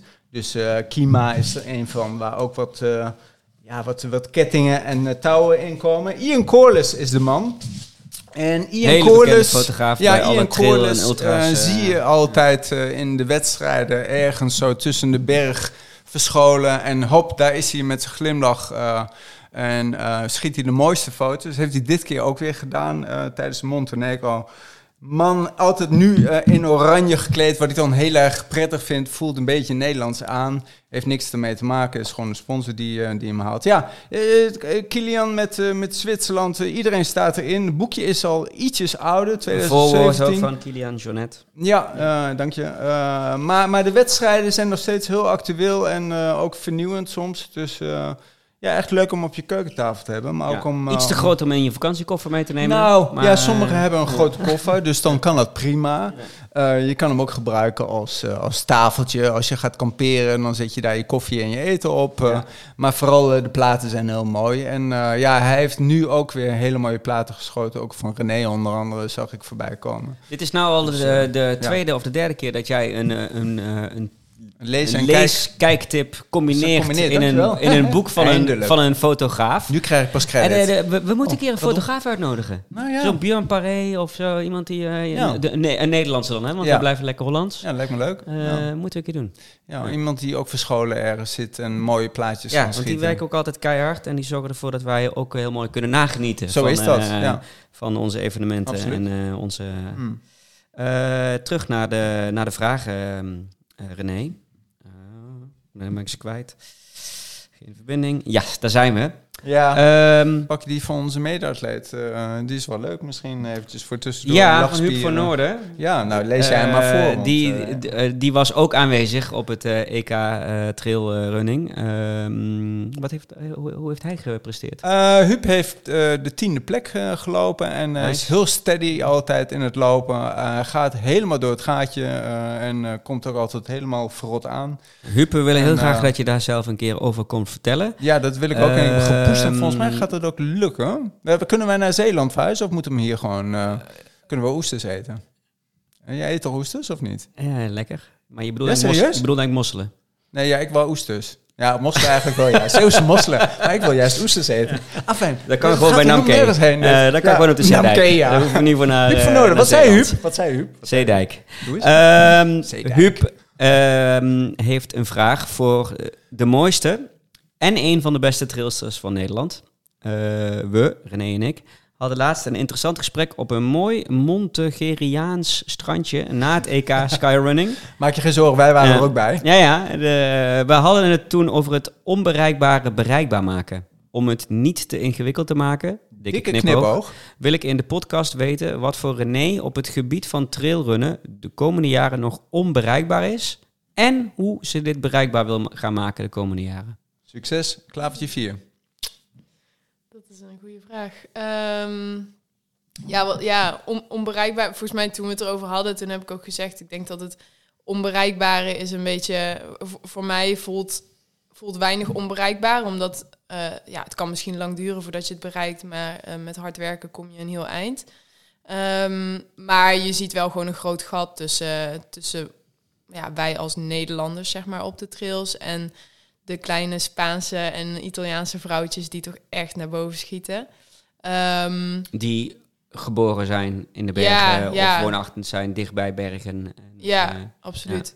Dus voor mij voelt eh, een podiumplaats bijvoorbeeld op een Golden Trail Series voelt op dit moment onbereikbaar. Ehm, maar daar, ik wil in ieder geval het- daar naartoe groeien of ik zeg niet dat ik het ooit zal bereiken, maar ik wil wel heel hard mijn best doen om, eh, om in niveau te groeien. Eh, en het lijkt me heel gaaf om met dat niveau mee te kunnen doen. Of het nou op een podiumplaats is of een top 10 plaats. Of dat je gewoon, eh, ja, gewoon aan de start staat daar met die andere meiden. Dat is natuurlijk al heel gaaf. Ja, ik, ik moet eerlijk zeggen, voor mezelf heb ik nooit een heel erg concreet doel van ik wil wereldkampioen worden of ik wil eerste worden op deze zus en zo wedstrijd. Voor mij is mijn doel, ja, het klinkt heel cliché, maar toch altijd wel om, om mezelf te verbeteren. Ja. En voor mij werkt dat heel goed om het zo te benaderen. Nou, dat is niet zo heel cliché hoor, want de meeste, het cliché is, ik wil genieten. Eh, Oh ja, ja. nee, dat doe ik absoluut maar dit, niet maar dit gaat wel een stapje verder dan genieten. Eh, Nee, als ik geniet genieten komt pas achteraf, denk ik. ben ik bezig. Ja, ja. Afzien, afzien. Ja. Ja, Ja. Ja, nee, eh, en ik probeer altijd de, de kleine winsten te zoeken naar, oké, hoe kan ik nu weer een stapje meer doen en mezelf weer een stapje beter maken. Ehm, en zo inderdaad dat, dat onbereikbare als het ware naar me toe trekken. Ja. ja. Ik weet nog dat in 2019 zei de Renske Dikhout, ze is ook een eh, trail- en skyrunster, een goede vriendin van mij. En we zaten in 2019 op het eh, Europees kampioenschap in Italië te kijken naar de ceremonie voor, eh, voor de vertical volgens mij. En toen zeiden we tegen elkaar, ja, kun je je voorstellen dat, dat wij ooit op dat podium zouden staan? Dat, dat bestaat gewoon niet. En dan nu word je al vierde. Dus dat is gewoon heel gaaf om te merken dat Ja. je toch, eh, toch daarin groeit. Kan wel. Ja, Ja. Mhm. Italiaanse en eh, Spaanse vrouwtjes kunnen hun borst nat maken. ja. Toch? Zeker, ja, ja. We wringen er langzaam tussen. Ja. Probeer ook gewoon vrienden te sluiten in dat Het geheel, scheelt dat ik ongeveer slim. drie koppen groter ben dan hun. En Ja. daarmee ook eh, veel langere benen heb. Dus Ja, maar het, dat- eh, daar heb je daar omhoog ook voordeel mee? nou, ja, ik denk omhoog wel als je echt hiked. Ja, Want dan kun je hele grote passen maken. ja meestal- en, en meer krachten ook waarschijnlijk. Ja, dus, ja, eh, dat denk ik inderdaad ook wel. Ja. Uh, maar ja, je bent natuurlijk wel zwaarder Ja. automatisch. Dus Ja. je moet, moet meer gewicht, zeg maar, de berg op. Um, en qua afdalen zie je dat die behendigheid is toch wel over het algemeen iets beter als je kleiner bent. Als Ja. je wat slungeliger bent, dan Ja. struikel je nog wel eens over je eigen voeten. Ja. Doch er is hoop. François de Hen, VS Kilian Journet. François de Hen, onze Franse wijnboer, UTMB. eh Kilian wel eens net achter zich gelaten. Kilian natuurlijk iedereen wel bekend. Dus het kan wel. François ongeveer twee meter en Kilian eh, twee turven hoog. Oh, ja. Dus ja, dat vind ik altijd wel mooi. Ja, en je valt absoluut met je lange benen wel op. eh. Het is wel eh, makkelijk eh, eruit te pikken voor fotografen. Ja, dan kun je die van Ruud ook gelijk eh, gaan noemen. Ruud Kappert. eh, ik zie... eh, Ja, ik, zit, ik zit te scrollen. Oh, Waar nou, staat hij dan? doe ik hem dan? Ja, oh nee, Oh, ja, ja, doe jij ja, maar. Doe jij nee, maar. oh, ja, ja. ja. Eh, onze hè, Ruud Kappert. Ruud, Voormalig, ja, en, voormalig gast. Ja, Ja. gast. Ja. Eh, Wat zei ik? gat. Oh. Sorry. Ruud. Ja, nee, Ruud. ooit UTMB of ooit Summit Mont Blanc? Oeh. Eh, ik denk dat, dat ik... Niet allebei zeggen. nee, nee, nee. ik denk dat je mij eerder op de UTMB zal zien starten. Mhm. Ehm, de eh, Mont Blanc Summit heeft voor mij eh, t- twee kanten. Ehm, ten eerste ben ik, ben ik eigenlijk helemaal niet zo stoer. dus dat zou wel, als ik dat doe, dan wil ik daar wel echt eh, een goede gids bij hebben. En daarnaast vind ik misschien de Mont Blanc ook wel te druk, te, te populair, zeg maar. Ja, ik, ehm, ja. ja. dat vind ik eigenlijk... De deed- UTMB, is ook best druk. ja, is ook wel maar- best druk, maar dat, dat voelt ja, toch... ja, maar toch voelt anders. Ja, toch anders. Ik, Ja. ik denk als je een summit doet, dan doe je dat echt helemaal voor jezelf. Ja. En dan neemt, eh, als daar heel veel mensen Dus gewoon file lopen. staan, als Ja. je aan het file lopen bent, dan neemt Ja. dat de magie toch een beetje weg. Ja. Dus ik denk dat je mij eerder op de UTMB zal zien, maar dat duurt ook nog wel eventjes. Maar volgens mij kent Ruud ook hele, hele mooie piekjes en gaten Oh ja. eh, op de Mont Blanc. Nou ja. die, die wat minder druk zijn. eh, of tenminste Ja. rondom Chamonix. Ja. Dus, eh, Ik zag hem laatst ook alweer een summit van Mont Blanc doen, samen met een vriend. Ja. Ja. Hij blijft bezig. Ehm, niet, de, niet de volgende vraag, maar eh, je zei net, ik ben, eh, ik, ik ben helemaal niet zo heel erg stoer. Eh, dat vinden wij sowieso wel, eh, wel meevallen. Ja. Ehm, José had het net over de beren. over de berenloop in Montenegro. Wat, wat, Berenloop. wat- Niet een Terschelling, maar nee, nee, nee. Montenegro. Wat, wat, eh, was je er bang voor? Nou, eigenlijk niet, omdat ik, eh, ik heb drie zomers in het totaal, ehm, in het totaal een jaar verdeeld over drie zomers, heb ik in Canada gewerkt. En daar zaten behoorlijk wat beren. In het gebied waar ik werkte zaten zwarte beren. In het gebied waar we naartoe moesten vliegen met een vliegtuigje. Dus dan kon je niet met de auto komen. Dan moest je invliegen. Daar zaten ook grizzlyberen. Ehm, en ja, dan... Dat zijn de echte jongens. hè? Ja, dat Ja. zijn... Ja. Ja. En dan leer je wel snel dat ze over het algemeen banger zijn voor jou dan jij voor hun. Alleen moet je gewoon je verstand gebruiken en ervoor zorgen dat als je een moeder met kinderen ziet, dat je dan niet eh, te dichtbij komt. Want die, ga- die gaan ze gewoon beschermen. Ja. Maar in principe, ehm, ja, denk ik, ja, wat dat betreft ben ik niet, niet snel bang voor beren. Ehm, overigens, toen ik in Australië was, toen dacht ik wel van, ik, ik hoef hier geen slang tegen te komen. Dus ik denk dat ik iets meer neig naar angst voor reptielen dan angst voor Ja, zoogdieren. slangen. Ja, dus Ja, want, want ja. reizen kan je wel. Nu je toch die brug maakt Australië, heb je ook nog even onlangs... eh, 2023 was je er toch? eh, Ja, ja, ja, ik ben ja. in het voorjaar teruggekomen. Ja. Vijf, vier maanden, vijf maanden zat je in Australië, Nieuw-Zeeland. Pakt ze ook gewoon al even een paar windjes eh, op het podium eh, mee. eh, nog niet eens genoemd, ook eh, fantastisch. Waarom was je er ook weer? Eh, ik was in Nieuw-Zeeland drie maanden voor mijn, eh, voor mijn promotieonderzoek. Daar werken we samen met een eh, onderzoeksinstituut dat daar zit. Dus toen ik hoorde dat we een samenwerking hadden met hun, toen heb ik gelijk eh, aan mijn promotor eh, even knipoog, knipoog. eh, Ja. Ja. En dan precies zo plannen dat ik met de Tarawera Oh, bij, de- bij UTMB... Niet, niet eh, zomaar eentje, ja. maar Nee. die Ja. ook nog even meedoet. Ja. Ja, die kon ik toen mooi Ja. meepakken. Ehm, en daarna, toen, ja, toen was ik toch in de buurt.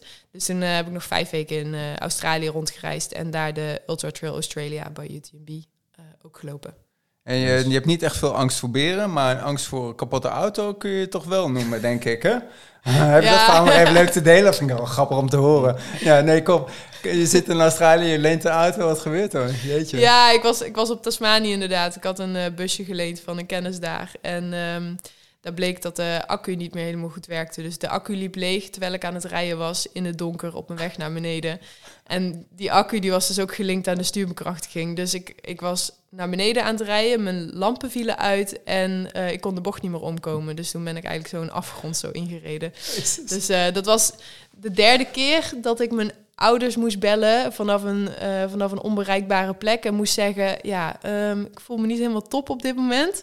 Mag ik, mag ik heel eventjes, eh, ja. mag ik heel eventjes met jullie praten? Shit. In het Even, donker. even uithuilen. Ja. Met een auto tegen een boom. Ja. Ja, vond ik een goed verhaal. Anyway. Ja, Ja, ja. tegen een boom om hem stil te zetten. Um, Oh, nou, expres tegen een boom. Nee, of, eh, nee, dat was gewoon een afgrond. Oké. ja. Ah, Ik was lekker. blij dat hij tot stilstand kwam en niet verder ging. Ja.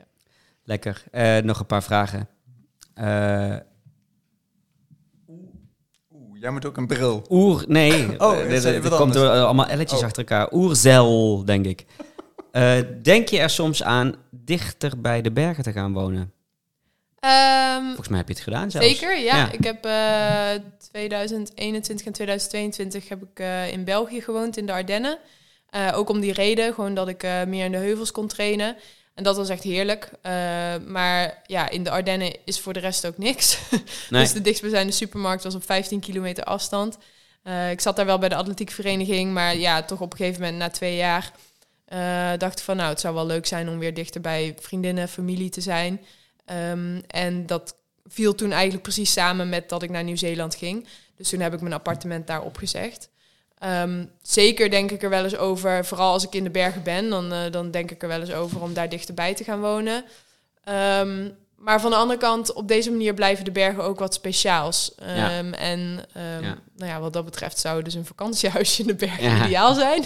Nou ja, je, je, je hebt er eentje waar je altijd hebt terecht er. kunt, hoor. Ja, dat is Eh, waar. Zit ja. een limiet aan Ja. trouwens? Ja. Dat je bij elke... Nou, Ja. ik kom nu een week. Nou, ik blijf een maand ook. Hè. Tot nu toe nog niet. Maar Ja. het is ook wel leuk omdat we vaker met het team buiten het seizoen gaan. Dus dan Ja. heb je gewoon als ja, dan heb je gewoon met z'n vijf, zes of zo, heb je heel het hotel voor jezelf. Ja, Gewoon een enorme tv-kamer, gewoon alle Lekker, kamers ja. voor je. Ja, dat is heel leuk. Maar als je, als je naar die ambitie eh, kijkt, eh, die dan zeg ik wel altijd beter worden. En ik bedoel, niet heel specifiek een podium halen, maar stiekem toch wel heel erg mooi. Ja. Ragna, eh, eh, de Debats, Bats of, de Debats. Bats of Debats, ik weet nooit hoe je het uitspreekt, maar woont in de bergen. En Inke Brinkman woont in, In de naast de bergen. Ja.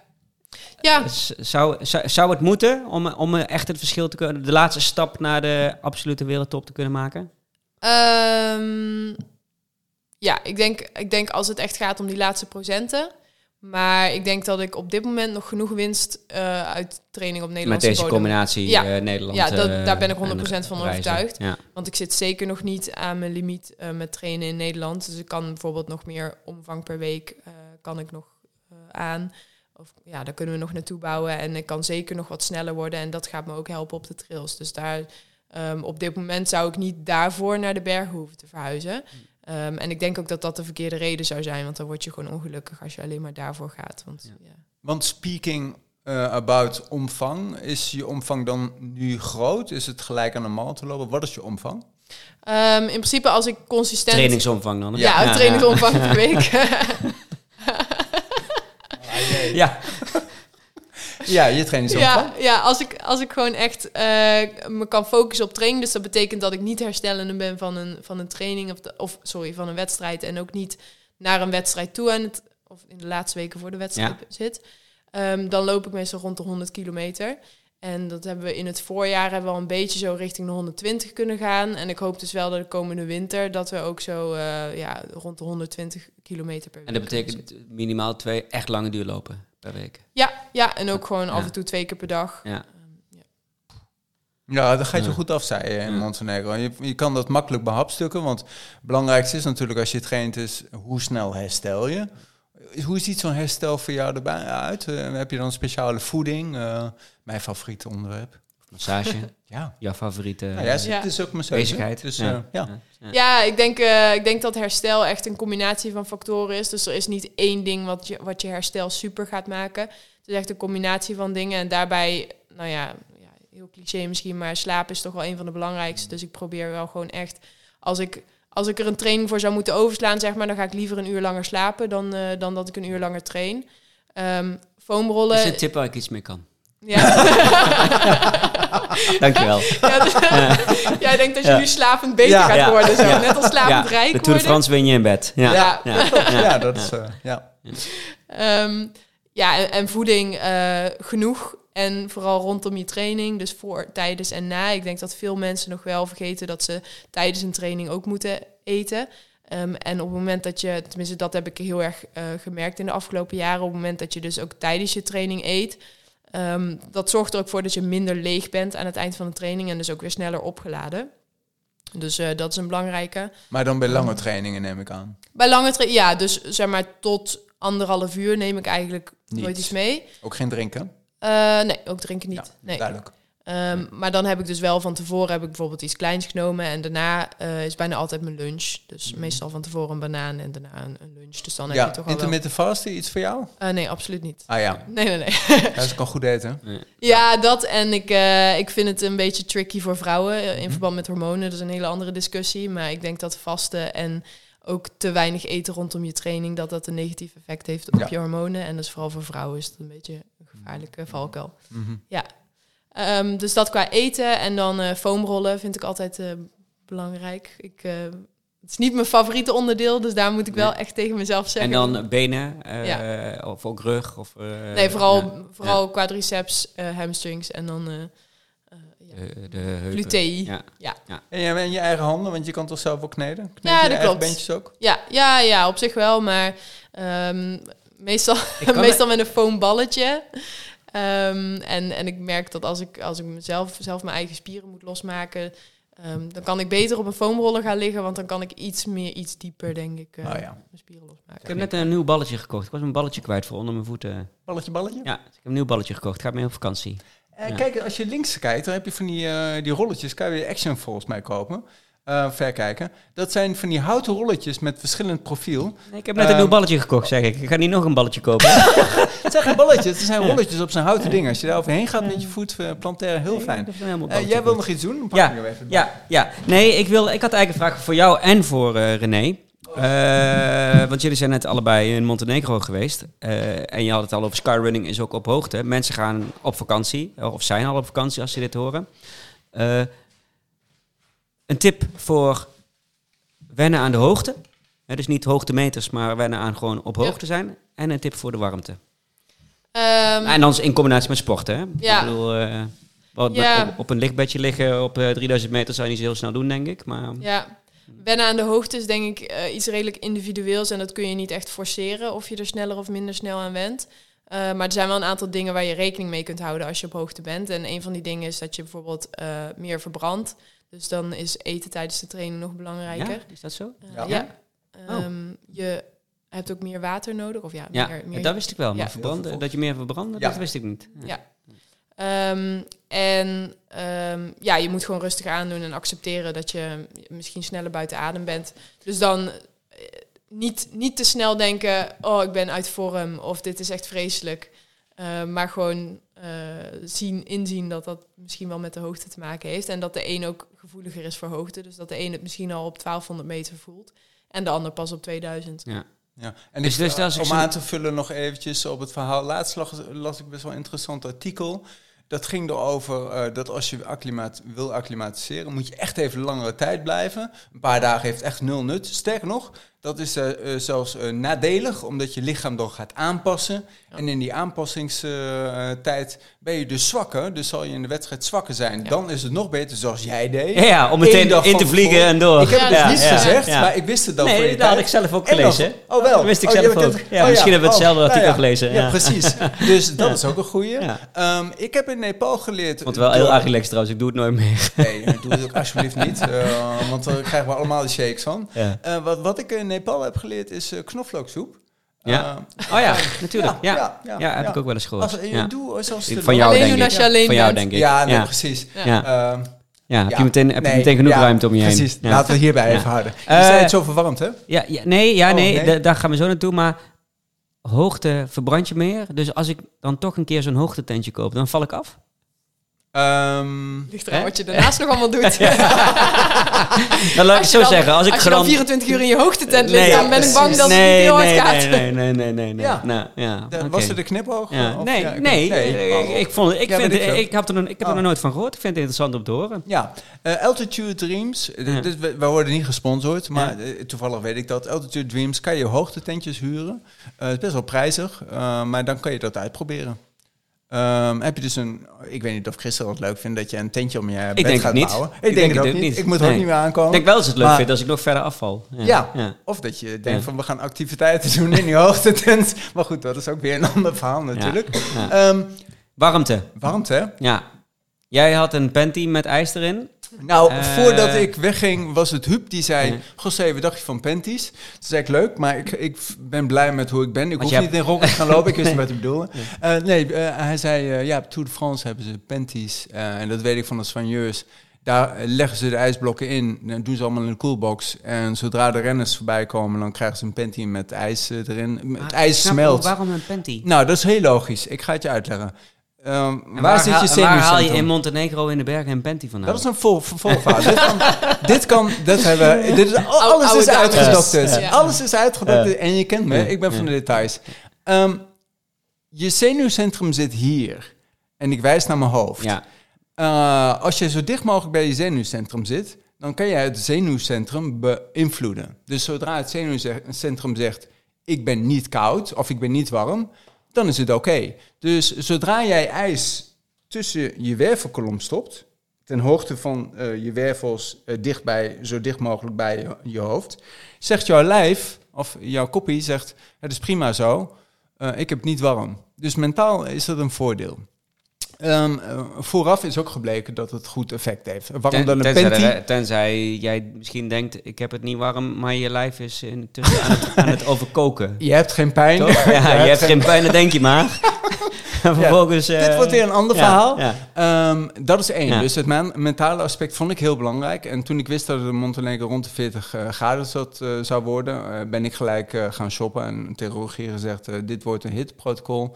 Ik neem spullen mee die ik nodig heb voor de atleten. Dus ik had allemaal eh diepvrieszakjes hier gekocht, waar je ijs, oftewel water in kon brengen. Die Wel maakte Evian, zelf- hè?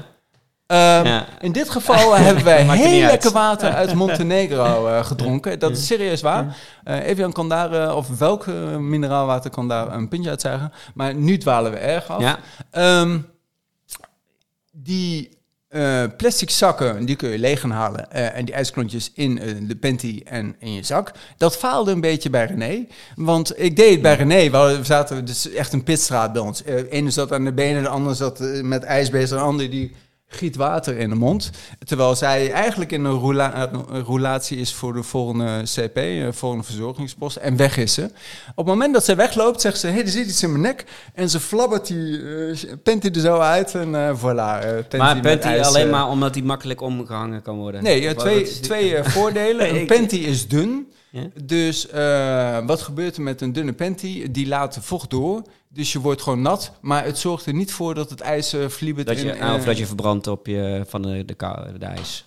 Nee, ook dat niet. Nee, maar je mag nooit ijs los op de lijn. Ja, nee, ook dat niet. het is 20 denier wat ik heb gekocht. En dat zou je helemaal niks zeggen, maar jij misschien iets meer. Als je 40 denier hebt, heb je bijna een maillot. Dat is heel dik. De denier geeft zeg maar een dikte aan. Waarom weet ik dit? Ja, iedereen heeft van een vriendin thuis of een vrouw thuis, die vertelt je dat een keer. Um, hoe dunner de denier... Nee, dat dacht ik al wel. Hoe dunner de denier, hoe minder uh, laag ertussen. Dus 20 was perfect, want je wil hem niet gescheurd hebben. Um, Jezus, welkom bij Panty Praat. Nee, maar luister. We gaan uh, door naar de, ah, de hittetip nee, van uh, René. Even, ik wil het toch nog even uitleggen. Um, uh, als dat ijs is gesmolten, heb je een flubbertje stof dat je heel makkelijk kan wegtrekken en kan wegstoppen. En dan heb je nergens meer last van. volgende was natuurlijk gewoon de plastic met al die ijsklontjes. Gaat veel sneller. Die stop je tussen. Ja, en of wat de renners hebben gewoon vesten, vesten, maar dat is dan de profi-staf. Nee, de vesten hebben ze vooraf. Die hebben ze nooit tijdens de race aan. Nee, tijdens de race heb je gewoon geen verzorgingsposten bij wielrennen. ja, maar hoe kom je bij een vest dan? Ja, dat, dat, dat, kun je ook heel makkelijk ijs in stoppen. Maar enfin, jouw uh, we dwalen enorm af. Ja. De luisteraars zijn ook afgehaakt. tot hier. Ja, nu ga ik... Uh, Dit is een hitprotocol. Ja, had ik een Pentium. Ja. Um, nee, stropdas. Um, is oud-Brabants grapje, dat snapt niemand. Nee, maar kun je nee. hem uitleggen dan? Nee. We hebben René, jouw, uh, jouw uh, hitteprotocol, jouw tip voor luisteraars. Uh, ja, ik denk als je weet dat je een wedstrijd gaat hebben op, in een heel warm gebied, dan is het, kun je wel al voorbereiden door meer de warmte op te zoeken.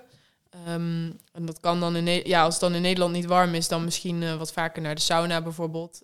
ik denk toch wel dat je je lichaam daarin kan voorbereiden op warmte om er toch iets beter mee om te kunnen gaan. Ook denk ik, bijvoorbeeld als je dan sauna uh, even als voorbeeld neemt, dan leer je je lichaam ook om te zweten. Um, dus dat, ik denk, als je het als je gewoon in een gebied bent waar je wilt trainen en het is heel warm, dan zou ik zeggen, ga het niet opzoeken. Uh, dus ga gewoon s ochtends vroeg trainen of wat meer in het bos. Maar ja, als je echt... Je... Evenement op een bepaalde dag is en het is toevallig 35 graden, dan... Uh, ja, ja. ja. Um, en dan ja, tijdens het lopen afkoelen of, of, ja, jezelf nat maken werkt voor mij in ieder geval gewoon het beste. Ehm, en dat betekent dat als je bij een verzorgingspost uh, komt, dan gewoon een bekertje water in je nek, uh, je pet nat maken en die weer opzetten. Um, zorgen dat je eigenlijk gewoon je, je broekje, je shirt, dat het allemaal gewoon zo nat mogelijk is, zodat als er een beetje wind staat, dat je toch afkoelt. Um, ja, en, en echt genoeg drinken. Dus nog meer, als je al moeite hebt met drinken, probeer nog meer tegen jezelf te zeggen: Oké, elke 10 minuten bijvoorbeeld. Doe een tabletje in, tabletje ook? Ja, zeker. Ja? ja, Dus ik, uh, ik loop altijd met teelwind. En daar zitten dan ook uh, um, zouten in. Dus het zorgt er gewoon voor dat je niet gedehydrateerd raakt. Dus dat werkt perfect. Ja. Top. Ja, dit was wel uh, uitgebreid. Maar het valt ja. zoveel over zeggen ook. Uh.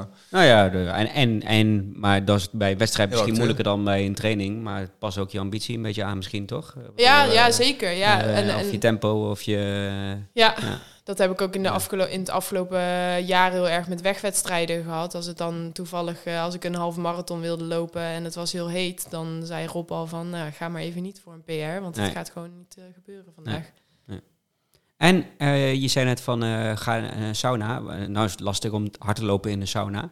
Uh, je hebt wel eens mensen die dat doen met dan, oh. als ze in de voorbereiding zijn op Marathon de Sabelen of zo, dat ze in zo'n hittekamer gaan, gaan, gaan trainen en gaan lopen.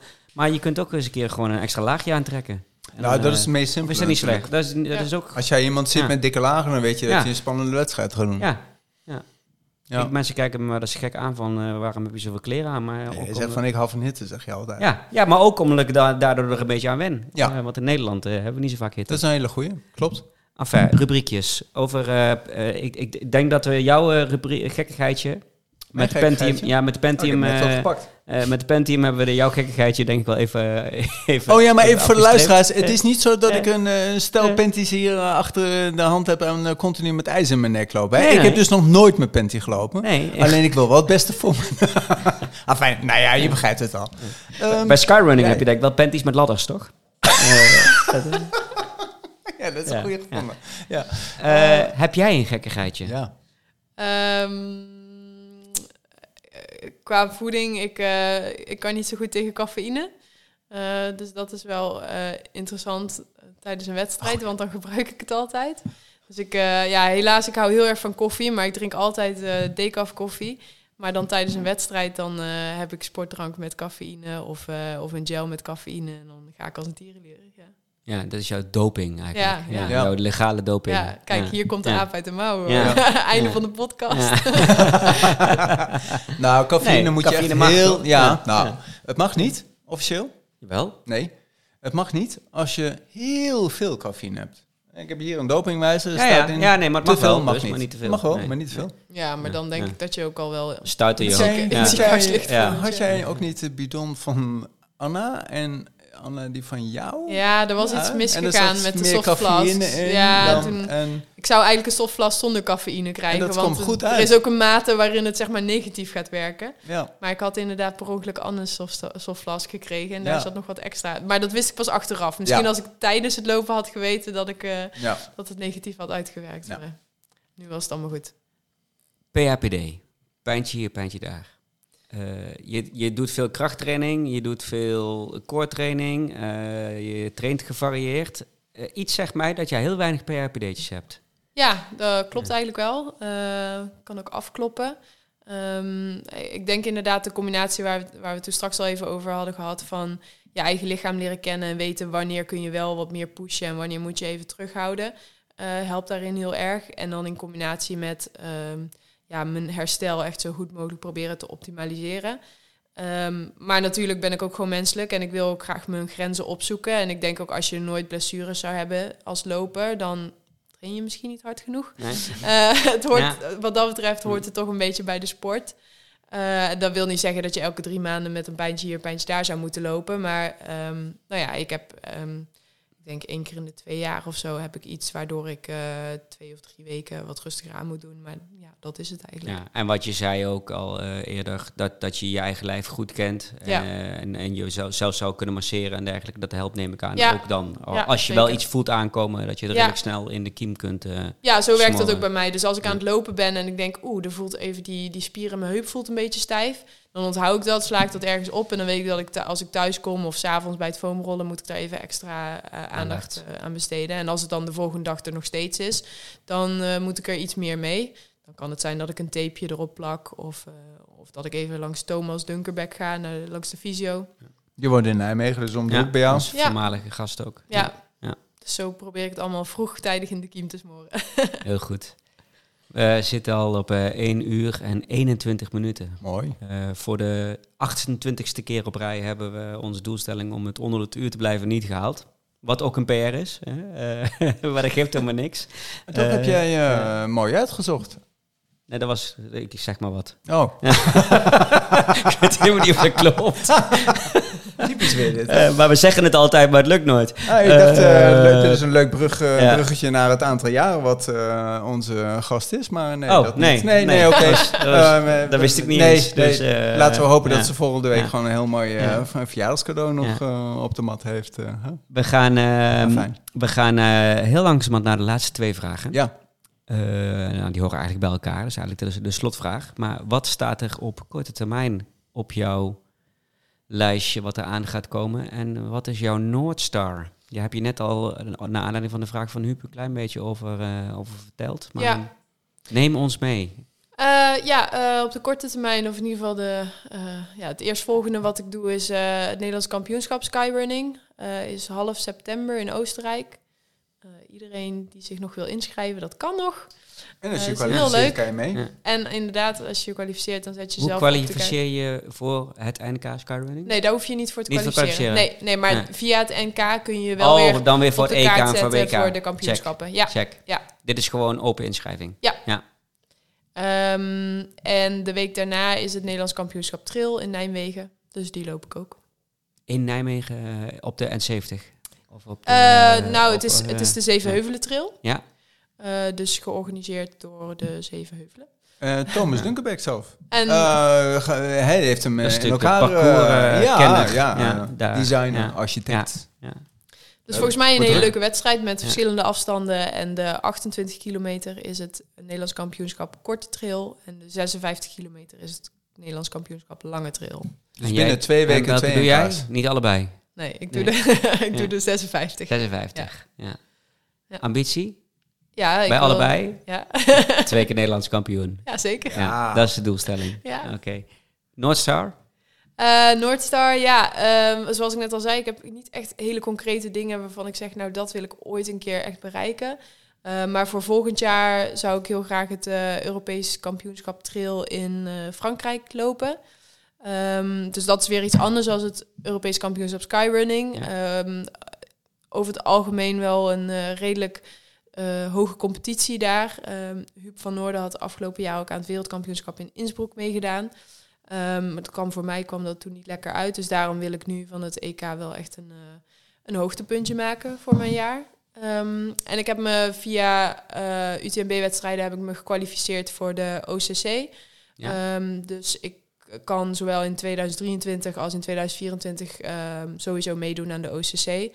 Ehm, nou heb ik hem vorig jaar ook al gelopen, dus ik eh, wilde hem dit jaar niet nog een keer lopen, maar in 2024 denk ik wel. Dus eh, ja, qua, qua ambitie voor volgend jaar zou ik wel graag... Dat is eh, de sub-ultra van de UTMB. hè? Ja, ja, Dat de is- ja. 55 Goed geleerd, kilometer. ja, Ja, ja, ja, ja. inderdaad. Ja, Die, mijn, mijn eerste ultra. Oh, sorry, sub-ultra. Subbel. Ja. Ja, ja, ja. ja. Ja. ja, dus eh, die twee zou ik wel graag... mooi Nog verder weg, nog verder weg. Dromen. Ehm, Meedoen, Nou, ik- meedoen überhaupt. Of, of, of eh, winnen. Of... ja, ik, ik droom nog altijd dat eh trail ooit op de Olympische Spelen komt. Ah, Ja, is, dat, is dat heel onlogisch? nee. Ja, Skateboarden, Nee, VK, Golfsurfen. VK is natuurlijk prachtig golfsurfen. om, eh, om te verslaan. eh, leuker om naar te kijken dan, Ja. dan, dan marathonlopen. Of dan een Maar 10 serieus? kilometer op, Ja. eh, op een atletiekbaan. ja. Hoe gaaf is dat? Ja? Ik bedoel, met drones, je kan alles mee. Echt, het is spectaculair. Het Ja. is gewoon, je, je kan alles volgen via een dot, maar ook live eh, beelden. Ja. Eh, vaste camera's. het is echt een prachtig om, En er wordt elk zien. jaar ook, of elk, niet elk jaar, maar elke Olympische Spelen zijn er ook wel weer nieuwe sporten, toch? Ja. Die, Ja. Oh, Ja, deze vind sport heeft bij, zoveel de- bij, bij deze een, eh, een, eh, mooie droom eh, die we vaker gaan, Ja. gaan aanhalen. Mm. Hoe- Wat moet je doen om op de Olympische Spelen? Ja. Ik denk eerst een uh, kladden Ja. met geld. Ja, ik weet, het is misschien jouw je achtergrond, toch? Eh, Bi- Bibian Me- Mentel heeft natuurlijk heel hard ervoor gewerkt om überhaupt Snowboarden. snowboarden op de Paralympische Spelen te krijgen. Maar ook hele Ja. grote sport. Ja. want die vraag Ja. krijg ik ook wel eens. Hoe Ja. kan het toch zo goed presteert? En waarom horen we niks op de NOS? Ja, dat, Ja. eh, dat is een apart verhaal. Ja. Ja. René, super bedankt. Graag gedaan. Eh, heel veel gefeliciteerd met je geweldige succes op het EK. Maar nog meer succes op de twee aanstaande EK's. En alvast met je Eh. verjaardag, 3 augustus. En vast met je verjaardag 3 augustus. Of als Komt je dit, wat moois op of de- als je dit het luistert, misschien wel na 3 Ja. augustus. eh, Ja. Alsnog gefeliciteerd. Ja, dankjewel. Ehm José, bedankt. Ja, jij ook bedankt. Ja. Hele fijne vakantie. Ja, eh. komt goed. Ja. Ik ga mijn eh, afsluitende riedeltje doen. Ah, ja. En dan gaan we kijken of het lukt om eh, binnen 1 uur en 30 minuten... eh, Dat hebben we een soort sub-ultra qua tijd. Eh, geen, geen PR, maar toch, eh, toch heel mooi. Heb jij 1 uur, 27 minuten en 27 seconden naar Loopraad geluisterd? Dan durf ik wel te zeggen dat je fan bent van Loopraad. Vinden we heel fijn. We vinden het nog fijner als je dat ook laat weten aan andere luisteraars. Of potentiële luisteraars eigenlijk vooral. Eh, dus stuur gerust ons, onze Instagram berichten door. of vertel over ons. Geef onze review op Apple Podcasts. Daar kun je ons sterren geven of een mooi verhaaltje schrijven. Ehm, en op eh, Spotify kun je ons eh, sterren geven, zowel voor ons als eh, podcast als specifiek per, per aflevering. Vinden we heel fijn, goed voor ons ego, maar vooral goed voor onze vindbaarheid. Zodat als mensen zoeken op podcast, hardlopen, trailrunnen, ultra's, et cetera, et cetera, dat ze ook altijd bij, bij Looppraat uitkomen. Je kunt je via looppraat.nl ook inschrijven voor de nieuwsbrief. Eh, op looppraat.nl staan trouwens ook altijd alle afleveringen, naast natuurlijk in alle podcast-apps. Ehm, je kunt ons vriend van de show worden op vriendvandeshow.nl slash looppraat. Eh, met een kleine donatie kunnen wij eh, hostingskosten voor eh 1 uur en eh, 30 minuten durende aflevering eh, kunnen blijven betalen en apparatuur. En we houden van vrienden. En we houden van vrienden. Eh, rest mij niets anders te zeggen dan voor de mensen die op vakantie zijn of gaan een hele fijne vakantie te wensen. Blijf navigeren. Tijdens de, je blijft navigeren. Tijdens de vakantie eh, gaan we ook nog een aflevering live zetten. Die, hebben, Ja. we, die hebben we stiekem al opgenomen. Spannend. Eh, maar die komt, 84. tij- die komt tijdens de vakantie komt die, komt die uit. En eh, die gaat niet zozeer over vakantie, maar eh, je krijgt er ongetwijfeld een Ja. vakantiegevoel van. Want we Super. vliegen de hele wereld over tijdens die aflevering. Ehm René, dankjewel. ja. José, bedankt. Luisteraars, tot de volgende. Blijf Ja. luisteren en blijf lopen. Oh, nee, geen 1 Jawel. 1, 2, 1 9 Yeah.